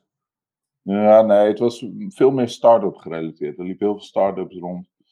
Eh, en iedereen kon zijn verhaal vertellen. En ik heb toen nog ben geïnterviewd door zo'n dame die nou eh, bij eh, Rasmussen Global werkt. Dat is ook zo'n heel interessant bedrijf. Dat, ken je dat, Rasmussen Global? Nee. Nou we gaan het niet over conspiracy theories en dat soort dingen hebben. Maar check die site maar eens. Dan heb je gelijk al zo'n iets van, wat de fuck gebeurt hier? Het echt, die Rasmussen schijnt eh, oud-directeur van de NAVO of zo geweest te zijn. En die heeft nou een team van mensen om zich heen verzameld die helpen met geopolitieke problemen. Aha. Ah, Je doet ook eh Bilderberg-conferentie eh idee Ja. gelijk. ja, Ja. een Ik beetje, heb ook trouwens... Illuminati. Illuminati zijn. Ja, dan denk je van, zij kunnen een land maken of breken. Dat idee heb je. Eh, Misschien wel. Ja, dat- Maar ik, ik heb daar eh, wel. eh, ik, we zitten, ik zit de laatste tijd eh, met eh, verbazing te kijken naar de eh, corona slash. ehm, wat is het? 5G slash Bill Gates wil de wereld veroveren. eh eh conspiracy theories allemaal te kijken. Mhm. En het idee wat ik, er, wat ik erbij heb, is dat het zijn mensen die daar echt helemaal in opgaan. En eh, nou, er zijn een hele hoop mensen die zeggen, ja, die zijn gewoon allemaal achterlijk. eh, en eh, nou, dat zal tot op zekere hoogte ook wel zo zijn. Maar ik denk gewoon dat, ehm, dat gewoon een heel grote groep mensen, zeg maar, aangeboren verdacht, hoe noem je dat niet verdacht, maar wantrouwend zijn. Conspiracy theorists. Ja, ja, maar er zijn echt heel veel mensen. Hè? Want ik bedoel, laatst nog iemand die we kenden, die, die, die begon op LinkedIn te klagen dat, eh, dat de overheid ons steeds meer beperkt en we moeten nu verplicht eh, eh, tegen corona ge- gevaccineerd worden. En we, we worden gechipt. Weet je wel? En nou, je kan natuurlijk gewoon zeggen, die mensen zijn allemaal knetter. Ehm, maar ik denk gewoon dat het, zeg maar, vroeger had het, een, had het een nut. Dat als er dan een bosje was met besjes, dan had je nieuwsgierige mensen, die gingen naar de besjes toe, die aten die besjes, die gingen hartstikke dood. Ja, of Weet je wel? Nou, of niet. En die gingen dan verder. Maar je had ook mensen die dachten, hmm, weet je wel, die, die deden het pas als er tien man niet dood was gegaan. Dan dachten ze, eh, dan ga ik het ook proberen. Maar ja, ik Ja. heb het anders opgelost. Ik heb al twee chips in mijn handen, dus Jij bent al gechipt. ik ben al gechipt. Dus eh ja, maakt me niet zoveel meer uit. Ik heb gezien dat het gaat ook. Ik wil het echt niet. Maar wat, eh, wat brengt het je, die chips? Kan je er iets... iets eh, Nee, nee, ja, het, het was leuk. Het brengt mooie Defcon foto's bijvoorbeeld. Mhm. Eh, dat wel, want de Defcon fotograaf heeft de shoot gedaan van die laatste implant. Maar ik heb eh, een eh, simpele HF en een low F. 11. Dus Zo ik, heb kan, je er of niet? ik heb ja, op de ene heb ik mijn website, visitekaartje, dat soort shit staan. Mhm. En die andere loop ik af en toe mee te klooien in hotels. Gewoon voor de lol. Hm. Maar ze vinden het altijd vrij freaky als je met je deur, met je hand de hoteldeur open doet. Dus, Jullie, ja, we- soms. jullie weten weer precies wat je ermee kan. Zie je? Ja, dat is het. Het allemaal precies. Ja, de hardware doet. Hardware. Kent het. Maar Ja. eh, Maar wat je hebt kunnen doen. ik heb Oh, geleerd met chips dat het, dat, eh, eh, dat het voor- vooral nog best wel heel erg ingewikkeld is. Dus om iets te maken wat gewoon op een gezonde manier gewoon ergens in, je- in je lichaam hè, qua materiaal kan zijn. En daar kan ook zitten. Maar ja, er En- zijn een paar clubs die dat niet, niet anders doen, zeg maar. Die ontwikkelen continu de nieuwste chips op formaten die je op veilige manier kan implanteren. Ja, maar de, en dan de vervolgvraag is dan van, wat voegt het toe ten opzichte van een wearable, zoals inderdaad een... eh, dus Ah, het nee. voegt het voldoende toe om het echt in je lichaam te stoppen. Maar En met, zoals je het heeft ten opzichte van bijvoorbeeld een horloge of een ring. Of, eh, en Adam Laurie die heeft de tussenvariant gekozen. Dus die heeft van die chips die in je pols gaan, maar die heeft hij laten injecteren in zijn horlogebandje. ja, ja. Ah, ja. Stoer, net echt. Maar is het ook niet gewoon een kink? Ik, Maar er zijn niet gewoon bepaalde mensen die vinden het gewoon cool dat, eh, dat je dat kan injecteren? ja, ik, ik, ik ken iemand die heeft er eh, eh, volgens mij Heel 20 veel. of zo. Ja, maar die ken Ja, ik ook wel. Ja, die kennen wij. En dan heb je ook nog één iemand, die werkt bij de Belastingdienst. Die heeft er ook een stuk of 10, 15 in zitten. Ja. En dat is Ja. niet iemand waar je het voor hem verwacht, zeg maar. Maar die vindt het gewoon super tof om daarmee te klooien. En om te mee te experimenteren. Om zo'n betalingen met zijn hand te doen en zo. Ja, één voor in die Nee, herkenning, één voor zijn... Ja. Ook, ook, ook temperatuur dacht ik. En bloedsuiker eh, kon je ermee Ja. meten en zo. Het allemaal, ja. En Patrick die heeft zelfs een magneet in zijn vingers. Die kan dan gewoon bierblikjes optrekken met zijn vingers en dat soort shit. Dat is wel handig. Het is wel cool, maar... ja die hebben we nodig. Daar gaan we even verder. Wat je, wat je had kunnen doen is, eh, eh, is een overchipkaart of zo eh, proberen in je hand. Maar goed, die, die gasten die dat al laatst hadden gedaan, eh, die daarvoor eh veroordeeld zijn, die, die, dat landen niet super goed of zo. Nee, maar die hadden het ook iets te lang misbruikt. Ik bedoel, Ja, dat was niet gewoon één keer als proof of concept of zo. Die, die gingen Nee, dat- door. ja, wat hadden ze voor 16k terreinreisjes gemaakt of zo, toch? Wat? Ja, volgens mij was 16k uiteindelijk wat ze misbruikt hadden. Ja, treinreis, dan ben je echt veel aan het treinreizen hoor. 16 Ja, ze, ze hebben het ook eh, anderhalf jaar volgehouden of zo, volgens mij. Ja, hier, laten we even een sommetje erop loslaten. Hè, dat- ik ben super goed in wiskunde. Ja, ja, Google het gewoon even, het staat vast wel ergens.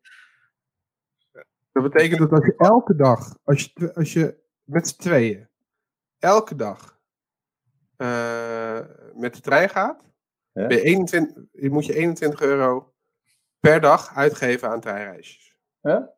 Ja? Ja, maar dat is 365 dagen per jaar, hè? Of eh, ja, 365 dagen achter elkaar. Weet je wat de trein ga eerste klas zitten is? Voor de grap. Ja, ja, ja, zie ik eruit alsof ik in de eerste klas zit. Ik ben nog niet eens in de kapper geweest. Zo, eh, ja, nee, maar dit, eh, dit dan, dan zou je dat doen. Dan ga je wel eerste klas zitten. Ja, dat is wel waar. Ik zou ja. dan- Ik ga dan- bijna dan- nooit met de trein, maar als ik ga, dan ga ik ook wel eerste klas zitten. Want dat vind ik wel chill. Want dat is meestal van uh, Devenvaart of waar dan ook naar Schiphol. Dat is best een end. Ja. Dus dan is de eerste klas wel relaxed. Ja. Nou, ik zie, oh, er, er wordt 33.000 euro aan, ehm eh, hoe heet het, uh, geëist? Aan uh, schadevergoeding. Mhm. Eh, kijk, werkstraf 120 uur. Stelselmatige fraude. Ja, ze vonden het gewoon tof, dat weet je nu al. Dat ging helemaal, waarschijnlijk ging het niet eens om geld. Was gewoon, oh, dat vind ik echt super stoer dat wij dat kunnen. Eh, ja, er staat dus niet. eh, het is Utrecht woonwerkverkeer, Utrecht Alkmaar. Nou, ja. Maar er staat niet bij hoeveel ze hebben misbruikt. Zo Volgens mij heb ik ergens iets van 16k gehoord of gelezen, maar ik weet het niet zeker. Nou ja, als de OM 33.000. eh, Geëist wordt. Ja. ja, dan zal. Dan zal eh, ja. oh, Als Edwin zegt dat 16k is, dan geloof ik dat gewoon. Ja. Oh, dat is makkelijk. Ja. Ja. en als ik dan wat zeg, dan telt het niet. Nee, ja, jij, jij eh, kan het niet vinden. Dus, dan Fair enough. het eerste waar. Weet je wie ik een keertje heb meegemaakt? Deze. Oh. Cool hè? Zie je ook dat ik daar, daar nog echt heel erg eh, goed uitzag. Jeetje. Met mijn haargrens ook nog gewoon eh, hier. Weet je wie dit is? Ja. Condoleezza Rice. Condoleezza Ja. Rice. Nou, Nou, Zij was de onder. Secretary of State. Bij eh, Bush. Bij Bush. Ja. Jeetje, hoezo heb jij die ontmoet? Nou ja, dat zie je hier een beetje aan, eh, aan de, de achtergrond. Ik was Oh, McAfee. het congres van McAfee. Ja, Intel Security. Dat was toen nog Intel Security. Dat is ook een heel interessant verhaal. Dat heeft twee, in twee jaar geduurd of zo. Ja. Maar anyway, eh, dat was hun jaarlijkse ding. Ik deed dat ook in Vegas. En eh, ja, ik, ik vertegenwoordigde die buiten. Wij waren best wel een belangrijke partner voor hun. Dus wij mochten dan als soort van... Of ik mocht als soort van VIP dan even een soort van... eh, ja, hand, handje schudden met Condoleezza. Die daar Ja. een noot had gegeven. En het was grappig, want het, zij had toen al eh, een best wel, ehm, ja, hoe zeg je dat? Eh, vingerwijzend, vingerwijzende tolk richting Rusland. En zij had Mhm. Haar rol ook, want ze was toen net klaar met haar functie. Maar in haar functie dus ook wat te maken gehad met Poetin. En nu zag ik dat het 2014 was. Dus het is eventjes geleden alweer. Nou gaat het door tot 2035, als ik het goed heb begrepen gisteren. Ja. Dus die, die man, die is... eh daar zijn we de grote leider. Maar dat had hij wel weer goed gedaan, toch? Want ik hoorde dat ze, eh, als je ging stemmen, kreeg je een soort ticket. En dan kon je een gratis huurwoning winnen of een waardebon voor iets anders. Dus daar moest je op Nice. stemmen. Als je ja op stemde, dan was hij ook gelijk tot 2035. Ja. Ja, het, maakt natuurlijk, ja, het maakt natuurlijk helemaal niet uit wat je had gestemd. Hij heeft sowieso gewonnen. Ja, die gast. Ik- Ik vond die move dat hij heel even die, ehm, die, die andere dude eh, premier liet zijn. Dan was hij zeg maar de onderpremier. Ja, Dat vond ik, de vicepremier was hij toen. Dat vond ik zelf wel een hele mooie. Dat je gewoon, zelfs als die man, eh, zeg maar, als de president dan wat zei, dan keek je eerst achterom naar de vicepremier van, mag dit? Ja, ja, dat is goed. Oké, oké, oké. Dat is echt prachtig. Ik heb het trouwens opgezocht en Lennart die eh, is in, in de tussentijd ook al druk aan het eh appen. Maar ze hebben per persoon ongeveer 15.000 euro aan niet betaalde reiskosten inderdaad. Het is echt bizar. Nee, maar dat zat ik best goed, toch? Met mijn 16. Ja, ja, 100%, 100%. En dat is dan van mei 2016 tot met november 2017. Oké, ik pak even een biertje trouwens. ja ik Het is wel biertje tijd, toch? Ja, zeker. Ja, Erik lang. heeft gewoon een, een koelkastje naast zich staan. Die, die man die kan de hele dag eh, nieuwe sneaken, zeg maar. Edwin ook, je haalt hem niet uit je rugzak, volgens mij. Proost. Ja, proost. Moet ik ook nog een ander hoedje opdoen? Jongens. Ja, ik vind wel. Tijd voor een hoedje switch. Ja, wat wil je? Een cowboyhoed? Mm, nee, het past niet zo goed met je, met je koptelefoon. Ik denk niet dat het gaat werken. Heb je een Bordeaux-rode cowboyhoed? Eh, ehm, nee, ik heb wel een vissershoedje. Vind je dat leuk? Ja, ik ben dol op phishing. Oh, even kijken. Momentje. Ja? Nee? Nou, dames en heren. Nou komt het. zit van Andel. eh. Ken, je, ken je die ene? Even eh, schakelen. Je kan aan het programma met van, over vissen meedoen. Weet ja. je? ja, nee, top. Ik, eh, ik, ik zit er blij op mijn stoel. Het is echt eh, is fantastisch dit. Maar ken je dat ene programma, die comedy-serie waarbij die buurman, eh, waarbij de buurman alleen maar, zijn ogen en zijn ho- hoofd ziet? Dat is een beetje nu hetzelfde. Oh, ja, het zit niet zo heel duidelijk. Moet even weten. Hoe heet het ook alweer? Ah, hij wil niet zo goed met die pet. Ja, misschien moet je het omdraaien. Nee, gaat ook niet, hè? Kan ook. Wacht, ik heb nog meer. Home improvement, zegt hij dus. Dat klopt wel, ja. Ja, home improvement inderdaad. Hè, hè. En dan afbeeldingen. Die? Home improvement. Ja, dit werkt echt van geen moer. Wat dacht je hiervan? nee, Mooi. Nee? Ja. Blackhead dan? Blackhead doen? Ja, Blackhead. ja. Oh, dit is top. Cyberpad. Oh ja, deze. Ja. Ja, Oké. perfect. Wat wil je Ja, laten dit. Nou, ik denk als we Ja. andere onderwerpen doen, dan kan ik een ander hoedje op doen. Maar Kijk. Wacht hoor. Oep. zien? Plaatjes nu. Ja. ja, je weet het. Ik moet juist nu eerst al mijn vieze plaatjes wegdoen. Zodat ik... Oh, gast. Ja, die. Hij Ja, nou? toch? Heet, eh, de buurman, die heet eh, Wilson. Wilson. ja, Ja, dit was van Tim de Tom en Taylor, toch? Ja, ja, ja. Home improvement. Wat, eh wat je dus ook al. eh, Tim de Tom en Taylor. ja hier, me- meestal was ik wel brak als ik dit keek. Echt? Ja, Ja, ik, ik drink niet. Dus dat, eh, dat is. eh, Hé, hey, maar als we het hier toch over hebben, Beavis en Butthead komt terug, hè? Ja. ja echt waar. Nooit, gekeken. Wow, dan heb je wat gemist. Ja, ik weet niet. Ik heb wel. Ik heb een audiofragment gehoord en ik werd er niet direct heel vrolijk van. Huh? Ja, dat. Nou, Ja, nou, dat was, dat was letterlijk. eh, ja. voor Ja, mij was dat, was dat ook alles. Hey, maar ik wil nog wel even een eh, debatje erin gooien. Debat. Oh. Oké. Eh, ik weet wel dat wij hebben een, eh, onze eerste gast eh, in de Zolder was Floor. Terra. We Ja. hebben het ook eventjes, eigenlijk was het een beetje een zijspoor over bug bounties gehad. En Mhm. toen zei ik Ja. van, ehm, kan ik me zoiets herinneren? Jij zei dat, dat jij de indruk hebt dat er een soort van incentive is voor degene die zich Oh, ja. aanmelden voor het platform, om dan niet hun eerste finding eigenlijk al eh, kenbaar te maken, maar door te blijven zoeken totdat ze tot een grotere, ja, eh, uitgebreidere find komen die meer geld oplevert. Ja. Of zo. Ja, Dat kan. maar dan gaat het over chainen van export of chainen van bugs, zeg maar. Dat is wat je doet. Dus je komt ergens binnen. ehm, dan ben je al ergens binnengekomen. Eigenlijk zou je die bug kunnen melden. Maar als dat op een hele simpele manier is, weet je dat je daar weinig voor betaald krijgt. Als je die bug kan escaleren naar remote code execution of whatever, krijg je veel meer bounty. True. Dus natuurlijk zul je dat proberen. Maar op het moment dat je dat doet, moet je ook beseffen dat iemand anders die bug ook had kunnen vinden. Die eerste. En als Hmm. die hem wel gelijk meldt in zo'n program, dan heeft hij punt 1 het geld en punt 2 zit jouw deur dicht, waardoor je niet verder kan met je SE. Ja. Dus dat is altijd een discussie. En wij hebben ook hackers in het platform die zeggen op een gegeven moment als ze zoiets vinden, dan gaan ze gewoon in gesprek met eh onze klant.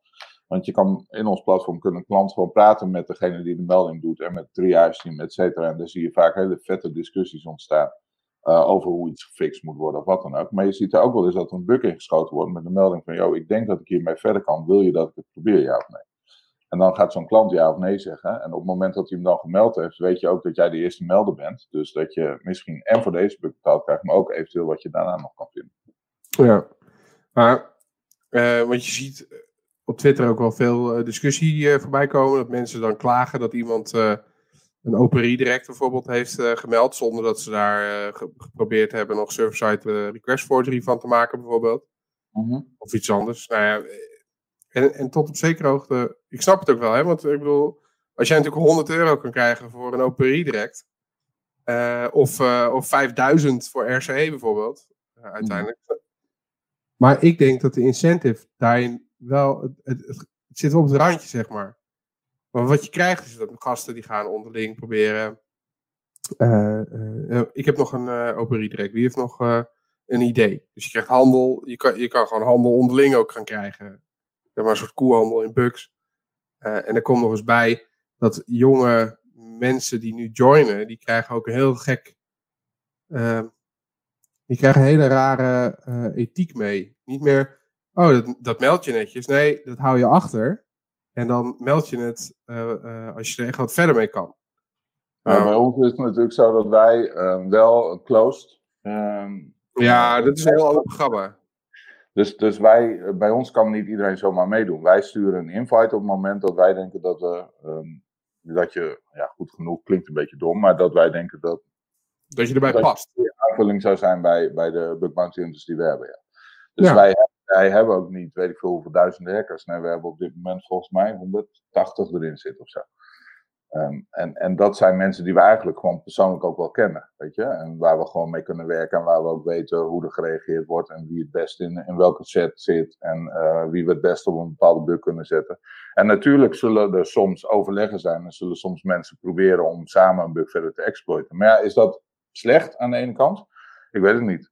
Kijk, ik denk dat als jij ehm, eh, een open redirect hebt eh, en je hebt die dichtgegooid, maar je weet dat op het moment dat ze daarop binnen waren geweest, dat ze je hele netwerk hadden gepakt, Mhm. wil je het liever wel weten.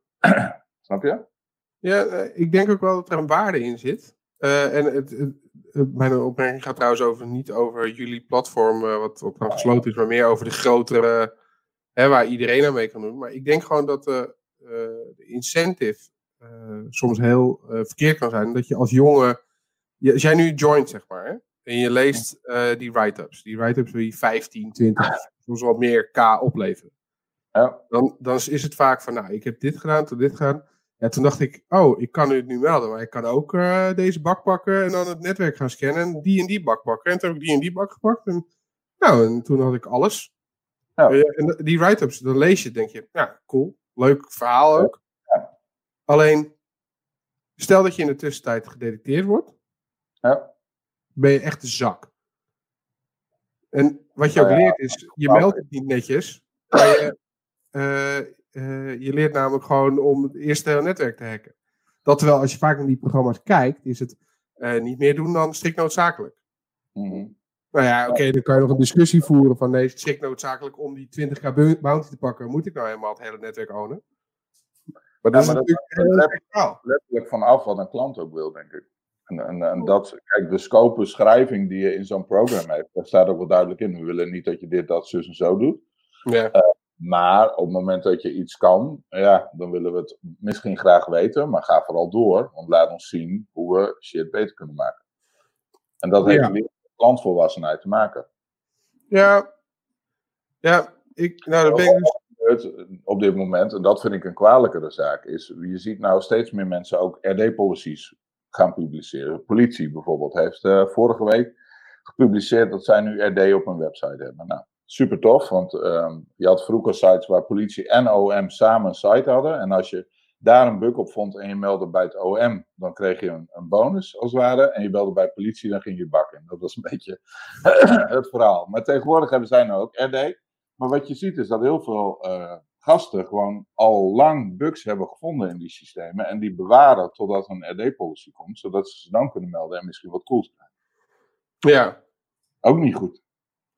Nee, nou ja, bugs moet je niet horen, denk ik. Dat lijkt me inderdaad geen, eh, geen goed idee.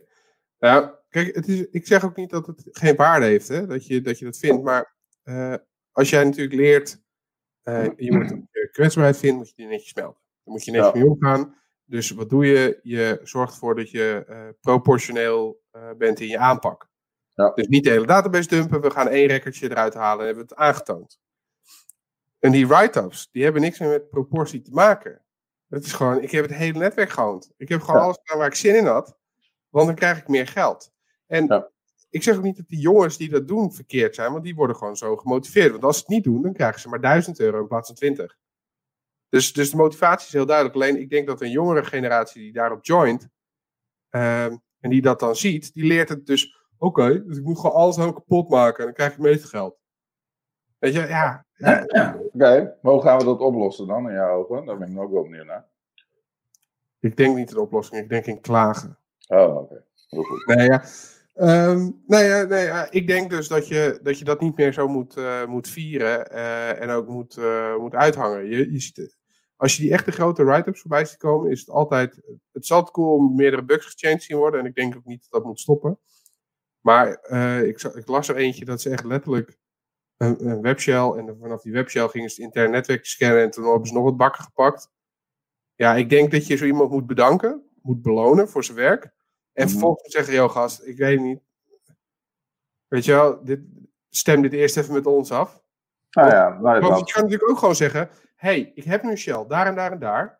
ja. Ehm, die wil ik graag melden. Mag ik van jullie verder? ja, En precies. dan heb je een, heb je een procedure. Als dat duidelijk terugkomt in die write-up, zien de jongen, eh, zien de kids die nu wat willen leren, zien ook dat dat onderdeel is, het consent eh, Mhm. stuk. En dan denk ik dat je, dat je op een hele positieve manier ook wat over leert. En dan, dan leren ze ook gelijk samenwerken met zo'n bedrijf, duidelijk communiceren. En dat als een bedrijf zegt van nou, nee, nee, nee, nee, dat willen we niet, dat dat ook oké is. Ja. ja, maar in feite zou je ook kunnen zeggen, je betaalt gewoon voor die webshell. Want alles wat daarna gebeurt, weet je, waarom Ja, zou je punten moeten hebben voor als je toch al binnen bent? Als je één keer binnen bent, kan je daar en daarbij, wauw, weet je. Ja, Maar ja. ik, ik snap wat je bedoelt, maar ja, nogmaals, bij ons in het programma staan dat soort dingen ook. En zie je heel vaak die discussies van, ja, ik heb dit gevonden, maar ik denk dat ik verder kan, wat wil je dat ik doe? ja. En, en Ja. dat is gewoon mooi. Ik wil even, even...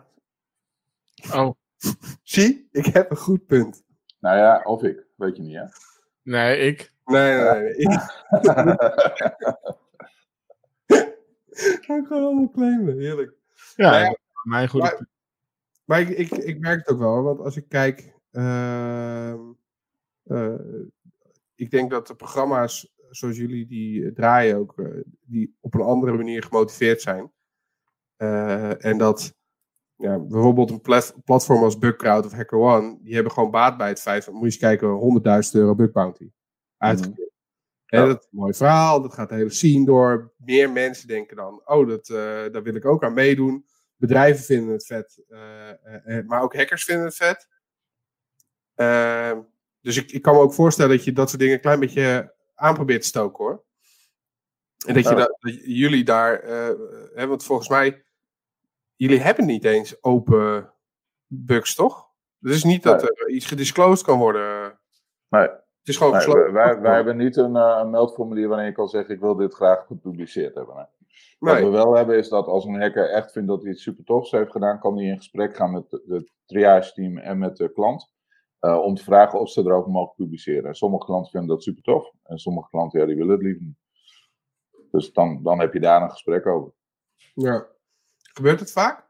Nou, niet zo heel vaak. Nee, de meeste jongens en meiden die bij ons hacken, die, die weten gewoon hoe het spel werkt. En die vinden het gewoon leuk om te zoeken. En op het moment dat ze iets vets gevonden hebben, vinden ze dat super leuk. Maar maakt het ze niet uit alsof ze. Want je moet ook nagaan, heel veel van die topgasten die bij ons zitten, die zitten ook in andere platformen natuurlijk.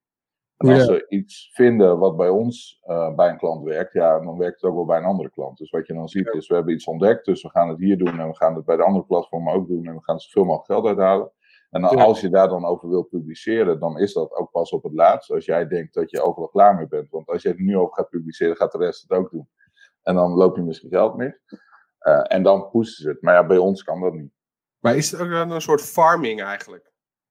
Ja, nou ja, als jij ergens goed in bent en je kan hetzelfde trucje overal doen en je kan er heel veel geld mee verdienen. Ja, weet je, wat doe je daaraan? Je kan moeilijk zeggen, nou, ik heb nou, ik heb nou een zero day gevonden, ik ga hem één keer proberen en daarna dan laat ik het liggen en dan geef ik hem aan de wereld. Ja. Ah, ik, ik heb het wel eens gehad hoor, dat ik eh, een bug bounty en dan meldde ik. En dan zeiden ze, ja, ja, maar deze bug is pas twee dagen geleden uitgekomen. Dus dat telt niet. Oh, wauw. Echt? Ja, dat is super, ja, super kut. Dat is echt kut. Ja, Dat is- ja, toen dacht ik ook, fuck, ja, ik heb, dat gaat, ik heb alleen maar vervelende ervaringen met, met bug bounty programma's. Dat is wel jammer. We hebben wel één keer gehad dat eh, bugs gevonden werden op een eh, platform, op, bij een klant die had al meerdere programs gedaan. En uiteindelijk ehm, werd er weer een bug gevonden die al twee programs eerder ook gemaild was. En die hadden ze toen gefixt, maar door een of andere rare code Oh, was hij weer terug, weet je wel. En Toen waren de klanten eigenlijk niet voor betalen. Maar ja, dan staan wij ook wel voor onze hackers en hebben we gewoon met, met ja, in overleg gezegd, sorry, maar wij vinden dit legit, dus je, je hoort deze bug gewoon te betalen. Ja. dat, wij hebben is natuurlijk altijd een balans tussen wat een klant wil en wat de hacker wil. En voor ons zijn de hackers super belangrijk, want als de, wij de hackers niet tevreden hebben, dan hebben we geen hackers en dan kunnen we geen klanten hacken. ja. Het is altijd een rare balans, want klanten vinden ons aan de ene kant spannend, weet je wel, ook met, met reclameuitingen. Als je, als je naar een salesgast vraagt hoe zou je bugmounters verkopen, dan zeggen ze allemaal van ja, je moet gewoon zeggen dat als ze niet met jou werken, dan worden ze gehackt en dan kost dat miljoenen. Ja, dat is leuk, dat kunnen we op een website zetten, maar dan lopen alle hackers weg, want die zeggen ja, hallo, fut, weet je wel. En Ja, dit is nep shit. ja, dus alles moet balanceren op iets wat aan de ene kant de hackers aanspreekt, waar ze achter kunnen staan, waar ze mee eens zijn. En aan de andere kant dat een klant zoiets heeft van, nou, wel een beetje spannend, maar klinkt wel goed. En dat is Ik merk lastig. Ik merk het nu ook dat we, wij zijn dan nu een bedrijf begonnen. Dat ik eigenlijk, dat vind ik het ook moeilijk. En, Ja, ga ik dat nou wel doen of ga ik dat nou, is dat wel tof?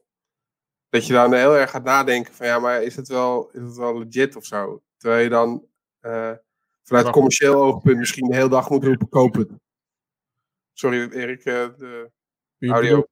Publiceren bedoel je? Nou, eh, ja, i- nou ook. Maar ook gewoon, eh, de belt er iemand en zegt, ja, kan je hier eens meer over uitleggen? En dan denk ik, oh ja, ja, tuurlijk. wil ik. Ja, tuurlijk, leuk. En dan denk je, oh, moet ik daar niet geld voor vragen? Weet je wel, je bent, je bent niet meer, toen ik voor, voor KPN of Deerbytes, eh, wil je het uitleggen? Tuurlijk, kom langs, koffie, wil je ook eh, hè? parkeren? Nee hoor, ik betaal, dat declareer ik, komt goed. Weet je wel, dat soort dingen. En nu zit je dan in een van, oh ja, shit. eh, eh, en dan vind ik het soms echt wel lastig eh, om, om dan te bepalen. Weet je wel, want je bent in één keer een, commercieel bedrijf. Maar je, wil, je moet dus el- wel geld verdienen, dat zitten jullie. Maar je, moet, je wil ook niet nep doen of zo. Nee, maar wij, wij hebben wel geleerd, wij als Seocopter hebben gewoon echt, nou, wat ik denk, wat ik weet, gewoon een goede naam in de markt. Dat is niet omdat wij overal geld voor vragen of dat wij eh, proberen klanten alles te verkopen wat we kunnen. Nou, op het moment dat een klant bij ons komt en die wil iets wat wij niet doen, dan gaan wij hem niet helpen zelf, maar dan gaan we wel zorgen dat we iemand kennen die hem kan helpen.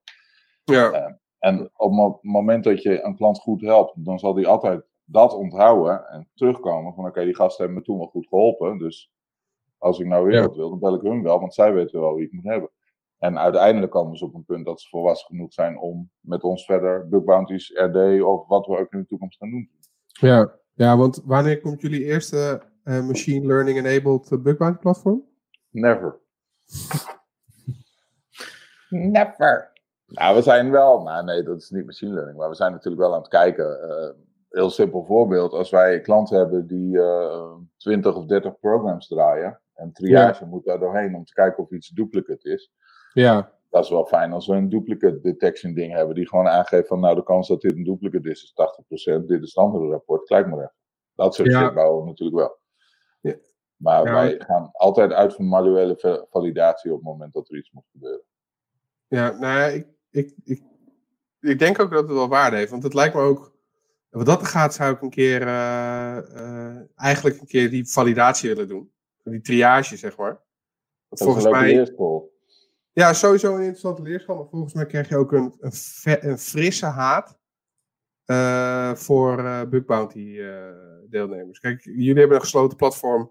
Dus je hebt al, al gefilterd. Op voor, bij de voordeur. Nou, dat, dat hangt vanaf. Hè. Onze, op, de triage heeft altijd weinig moeite met bug bounty programs. Maar we doen natuurlijk ook RD-afhandeling voor heel veel grote Ah, kijk, kan ik niet als ik een NDA teken? Mag ik dan een dag dat doen?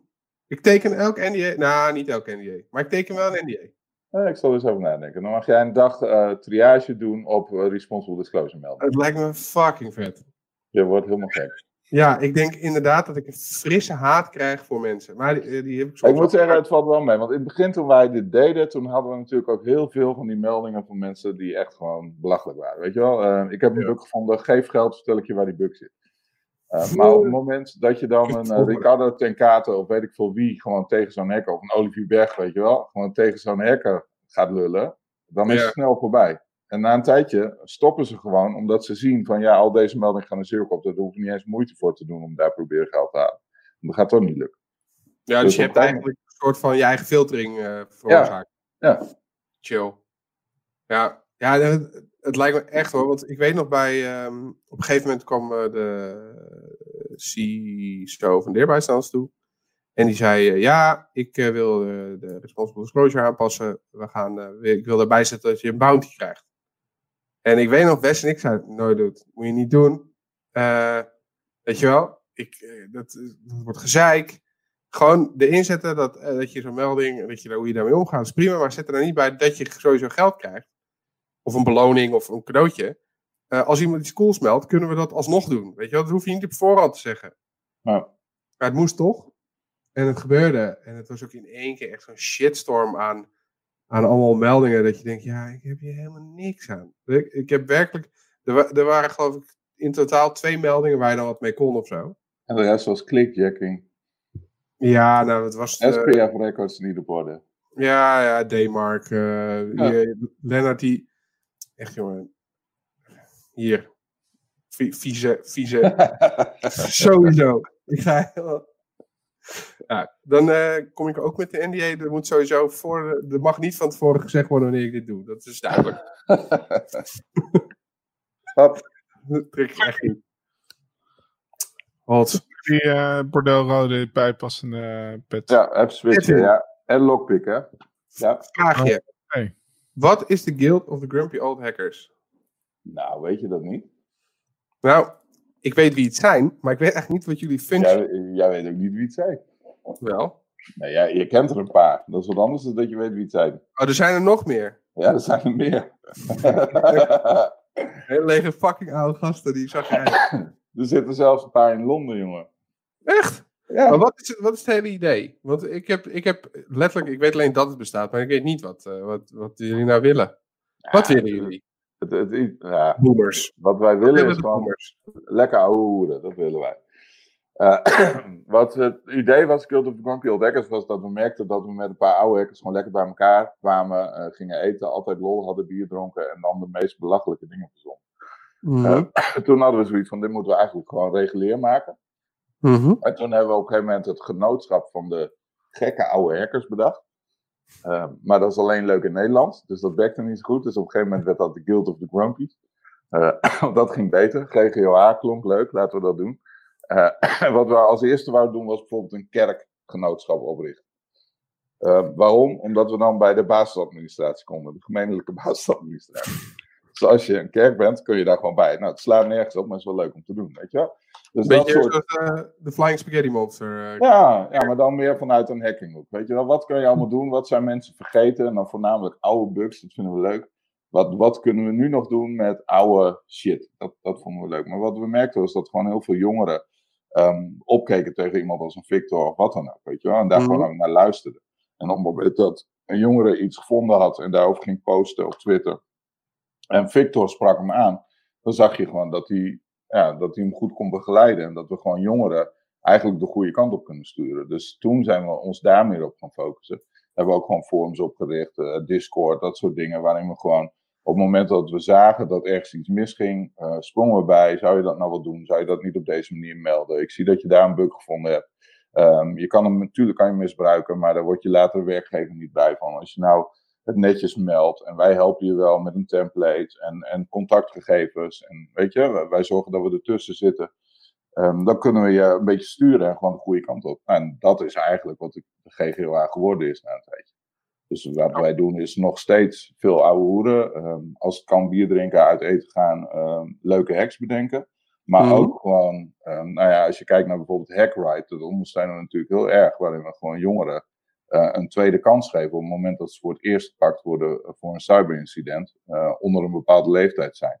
Eh, en de optie hebben dat ze gewoon nog de goede kant op gestuurd kunnen worden als ze eh, leren hoe een etenshacker bijvoorbeeld dagelijks eh, werk doet. Of hoe een bugbounty-programma werkt. Of hoe ze op een normale manier iets zouden kunnen melden zonder dat ze bang worden. En heel veel daarvan is gewoon echt de toon van de melding die je. Weet je, je kan een bug sturen en je zegt, ik heb je helemaal kapot gehackt en dit is een stuk. Ja, dan wordt zo'n bedrijf niet blij en heb je gezeik. Maar als je gewoon heel netjes zegt van, nou, we hebben dit en dat gedaan, we hebben dit gevonden eh, en dezelfde bug presenteert op een andere manier, dan word je bedankt. En als je dat zo iemand bij kan brengen, ja, dan wordt het ook gewoon leuk om te doen.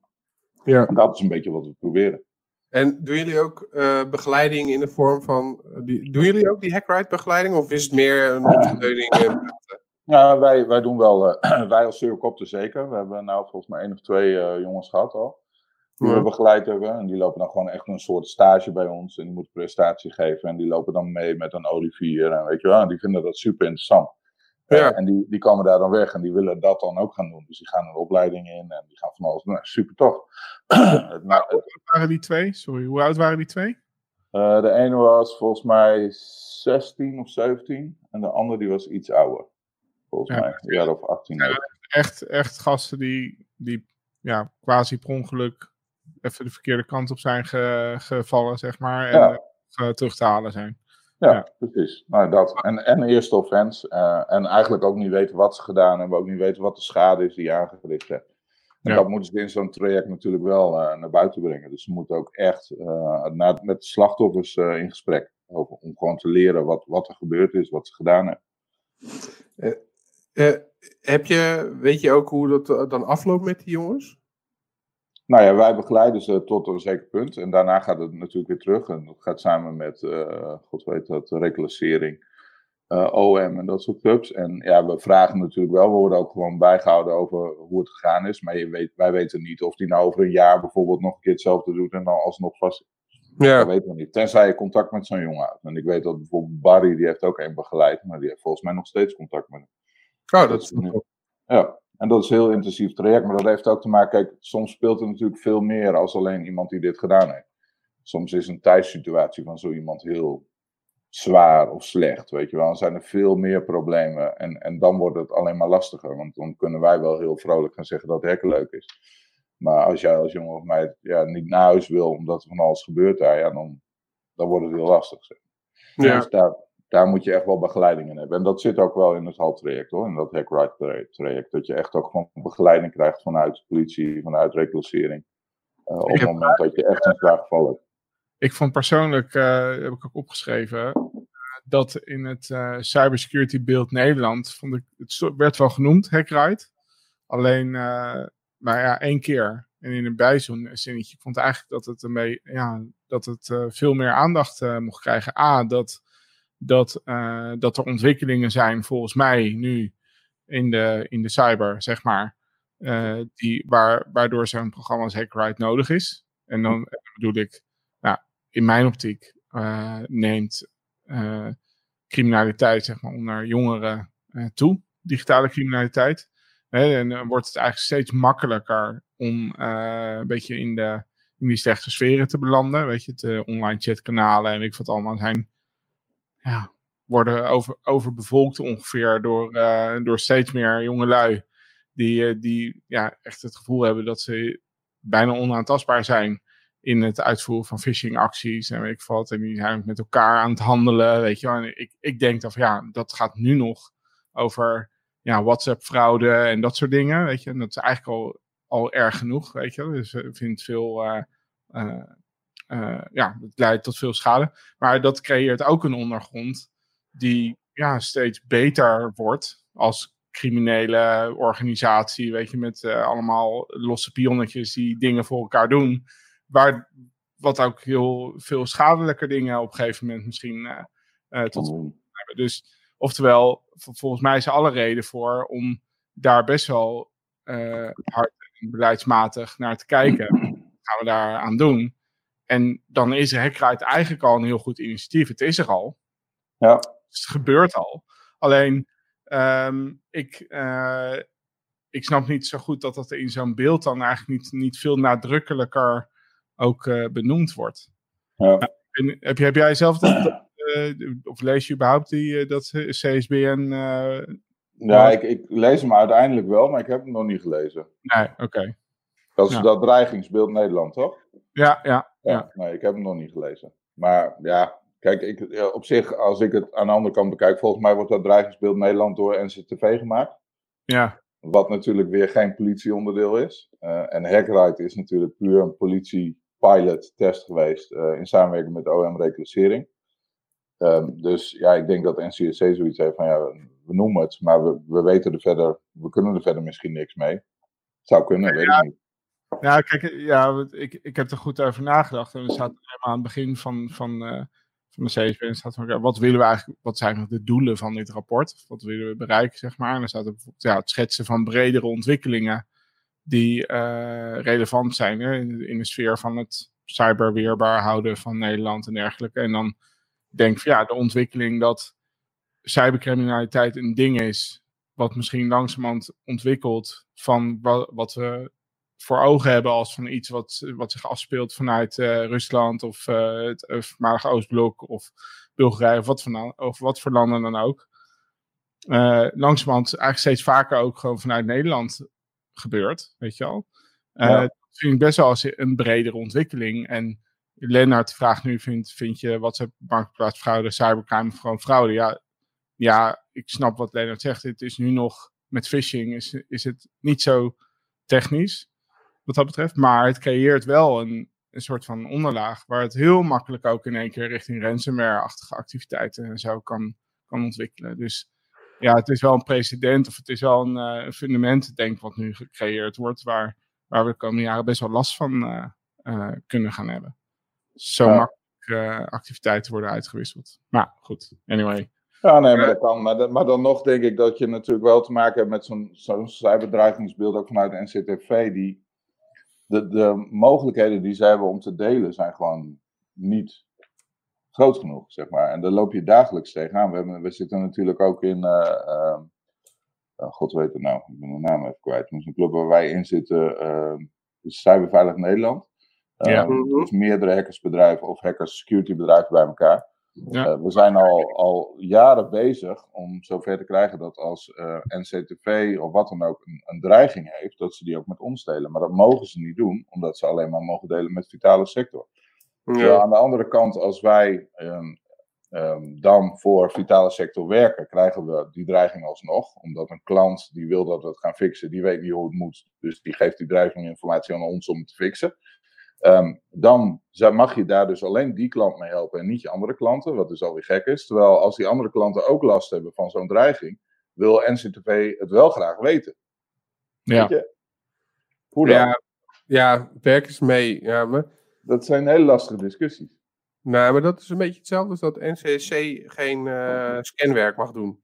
Ja. Zeg maar, de, dat werd toch ook. Uh, DVD doet dat natuurlijk. Ja, maar dat is een vrijwilligersorganisatie. Ja, maar die doen het ook omdat het niet opgepakt wordt. Ik denk Mhm. dat als, als stel dat NCC het goed voor elkaar had, had, had DVD dan zoveel tijd en, en eh, ja, waarschijnlijk nog wel, maar dat is meer omdat ze het heel leuk vinden. Scannen is leuk. Eh, ja, nee, maar, maar meer, ik bedoel, dat is, het is meer ook een noodgreep dan dat het eh, Ja. de bedoeling is. Ja, en, en ik denk ook dat bij eh, NCC heel veel jongens en meiden daar zitten, man, wij willen ook echt wel helpen. Ja. Maar ze mogen het niet. En aan de andere kant van, ja, stel dat de overheid gaat scannen, wil je dat? Is natuurlijk ook een vraag. Of kun je dat beter door een derde partij laten doen, die daar gewoon veel beter in is misschien. Nee, laat ze het lekker doen. Oké. Nou, met, Ja. met als reden dat eh, als er een commerciële partij is, dan, is het, eh, dan, dan heb je onderling natuurlijk weer van ja, maar wij willen het doen en wij, ons scanner is beter. En dan krijg je zo'n sales traject. Weet je wel? Ieder- iedereen de Rapid 7 scanner nemen, want dat feest was goed. Ja, dat, ja, inderdaad, die hebben we nodig. Nexpo's all the way, baby, want wij willen hem ook weer naar dat feestje volgend jaar. Mhm. Nee, dus dan krijg, je dat, dan krijg je een heel commercieel belang. Ik denk dat het goed is als het non-profit is en dat er. eh, ik, ik, ik geloof ook wel dat, een, eh, dat bijvoorbeeld NCC eh, dat prima zou kunnen doen. Er zitten hele slimme jongens en meisjes die, die, die daar werken. Dus dat moet ook gewoon goed komen. Ze mogen alleen niet. Nee. En, en het lijkt me ook goed om ze een bepaald mandaat te geven. Want nu is het elke keer dat je denkt, ja, oh ja, die doen ook nog. Die zijn er ook, weet je wel, ja, het is een beetje flauw, maar die, die, die sturen van die, van die persberichten waar dan eh, 44 slagen om de arm eh, met, met 16 advocaten naar gekeken is. In plaats van dat ze gewoon iets delen. Het- Ja. En het, Nou is ja, de overheid. Ze hebben, ook natuurlijk wel- eh, heel erg meegewerkt aan eh, bijvoorbeeld de Guidelines for Responsible Disclosure en de Coordinated Vulnerability Disclosure Guideline. Dat is heel erg, die kar is heel erg getrokken door NCSC. Ja, top. Maar daar, dat is nog steeds een papieren exercitie. Mhm. Eh, en het zou mooi zijn als ze ook de, het mandaat krijgen om zeg maar meer te doen. Want ik denk Ja. dat ze die potentie ook prima hebben. Tenminste, van de mensen die ik ken die daar werken, eh, heb ik soms het idee van, joh, ik, ik weet eigenlijk niet wat je daar, waarom je daar nou zit. Want Ja, je mag maar- niet spelen op de manier zoals je zou willen spelen. Mhm. Of je Maar- zou meer kunnen, zo zeggen. het, het is een- ten eerste natuurlijk totaal niet een technische of eh capaciteitsvraagstuk dit, maar gewoon eh, inderdaad van wat, wat is de rol van de overheid precies in dit soort dingen. Nou, die is dus nu ge- afgebakend, gedefinieerd, waardoor ze, en daar, daar mogen ze dan niet buiten treden, want dan gaan ze dingen doen die eigenlijk gewoon strafbaar zijn en waar ze ook helemaal niet eh, de opdracht voor hebben. En dus ook geen, er is geen wet die dat eh, ondersteunt om, buiten die, bij dat kader te treden. maar, en dan kan je af, ja, waarom, waarom breid je dan die wet niet uit? Ja, er zijn ook allerlei uh, redenen of je er wel of niet mee eens bent om het niet te doen. En uh, een, een daarvan is budget. En uh, een ander is, denk ik, van ja, oké, okay, weet je, als je dan de verantwoordelijkheid neemt om te scannen, wel, wat betekent dat dan eigenlijk? Weet je, als er dan, ja. als er dan iets niet gevonden is bij een bedrijf en ze worden op die manier dan toch gepakt, is het dan ineens ook de schuld van het NCC, weet je, dat ze daar niet op gewezen hebben. Dan krijg je ook dat soort. Uh, dus het is best wel. Ja. Uh, ja, plus dat als je als NCC gaat scannen en je gaat mensen inrichten die geen idee hebben waar je het over hebt, ja, dan ben je weer zee aan tijd kwijt om dat uh, te fixen. Ja, dus het is uh, jammer genoeg niet zo makkelijk meestal, denk ik, dit soort dingen. Maar ik denk wel dat, dat uh, ik vond wel één, één aspect, stond er ook in, uh, in dat dreigingsbeeld. was van, ja, we moeten uitkijken dat de informatievoorziening niet te versnipperd raakt. Ik denk, nou, die is al heel versnipperd. Ja. Want alleen dat rapport, als je het aantal afkortingen telt, waarmee ze, zeg maar, alle dingen die ze aanduiden als pro mogelijke problemen, of ik wat zeggen op te lossen, dan is zo'n brei aan, aan uh, ja, kom je niet meer uit van hoe werkt het nou precies? Wie doet nou wat? Waar gebeurt het? Ja, maar, maar om, nog even terug te komen op, um, op mandaat en uh, budget en wat je er allemaal aan moet doen. Uh, ik, ik denk dat, dat in Nederland een hele hoop bedrijven last hebben -hmm. van, het, van, van op een of andere manier cybercrime of, of op al, dat, dat daar een hoop schade door geleden wordt. Dus ik denk dat als jij, nou, bij wijze van, zeg dat je zo'n scandienst uh, wel start. Mm je, krijgt, je betaalt er niet voor, je krijgt, er ook, eh, je krijgt het gewoon en als je het ontvangt, doe je er lekker mee wat je wil. En als je geen melding krijgt, heb je ook niks. Het is niet een dienst, je neemt het niet af. Dus daar kan je al weinig over klagen. En op het moment dat jij niet de capaciteit hebt om te snappen, kan je altijd iemand uit de uh, private sector inhuren om het voor jou te doorgronden en op te lossen. Ja, maar dan ga je het NCC bellen van ja, wie, wie moet dat dan fixen? Nou, we zijn mogen weer niet. Ja. Nee, maar, nee, maar, zo werken mensen. Je kan, ja, oké, okay, maar dan zit je op je website, joh, mocht je nou aanvullende vragen hebben, je kan een bedrijf inhuren. Er zijn een hele hoop bedrijven in Nederland. Ja, dat maar kan. Ik denk dat de waarde van het wel melden en het wel helpen van die bedrijven, dat dat, dat overstijgt eigenlijk die kosten van die extra mensen die je nodig hebt om te scannen en al die, uh, die mailtjes af te handelen. Uh, zeker waar het gaat om wat kleinere bedrijven, die totaal de capaciteit niet hebben om in de gaten te houden dat ze uh, een oude Citrix-bak hebben. Weet je, die, die sysadmin daar, die, die, die, die heeft waarschijnlijk nog die is nog steeds die, die bug die van de week weer in het nieuws was, die oude Citrix-bug. Uh, Fox had erover gerapporteerd wat, hoe, hoeveel misbruik ervan gemaakt werd, geloof ik. Ja, weet je wel, die kleine bedrijfjes, die, die hebben dat waarschijnlijk helemaal nog nooit doorgehad. Nee, maar die kleine bedrijven die doen vaak ook helemaal niks zelf. Die hebben gewoon een of andere IT-leverancier die voor hun de computers installeert. Ja. Die, die zegt dat het veilig is, dus het zal wel. Ja, en, en ook, uh, dat, nou, daar hebben we het laatste nog over gehad. Er schijnt ook een bepaalde zorgplicht vanuit te gaan. Um, maar um, uh, het zou toch hartstikke mooi zijn als zo'n bedrijf dan een mailtje krijgt van: hey, yo, die, die in die bak die jullie draaien, die, die is kwetsbaar. Ja. Ik, ik zie er alleen maar waarde in. Ik, ik kan me niet. Ik ja. Nou ja, oh ja, wat je trouwens ook nog hebt, is dat er dan af en toe partijen zijn. Dus op het moment dat de overheid dit soort diensten gaat aanbieden, zeg jij, je, je bent gewoon volle bak op mij want ik, ja. uh, ik lever deze dienst ook. Weet je, dus gaan we ja. nou kijken. Dat ja, maar een argument af en toe. Ja, nou oké, okay, maar stel nou dat jouw dienst het enige is wat jij als meerwaarde toevoegt is netjes draaien en vervolgens geld vragen, dan moet je misschien ook gewoon lekker uh, uh, uit deze industrie uh, weg. ja. ja. Niet toch? Nou, ja, ja, eens, maar er zijn er veel van hoor. Ja, nee, letterlijk. Gewoon Nessus omvatten in PDF. Automated pentest is dat. Ah, en ja. Nessus valt er nog wel mee, maar de meeste pakken gewoon open source scannen, want dat is goedkoper. Open vast. Ja, bijvoorbeeld, ja. Als je weet hoe je het moet installeren, dat vind ik op zich al knap trouwens. Dus wat dat betreft heb je dan alweer een puntje voor. Hier zou ze er niet gauw van, uh, van uh, uh, betichten, dat ze dat kunnen inderdaad. Maar, nee, ja. dat is lastig hoor.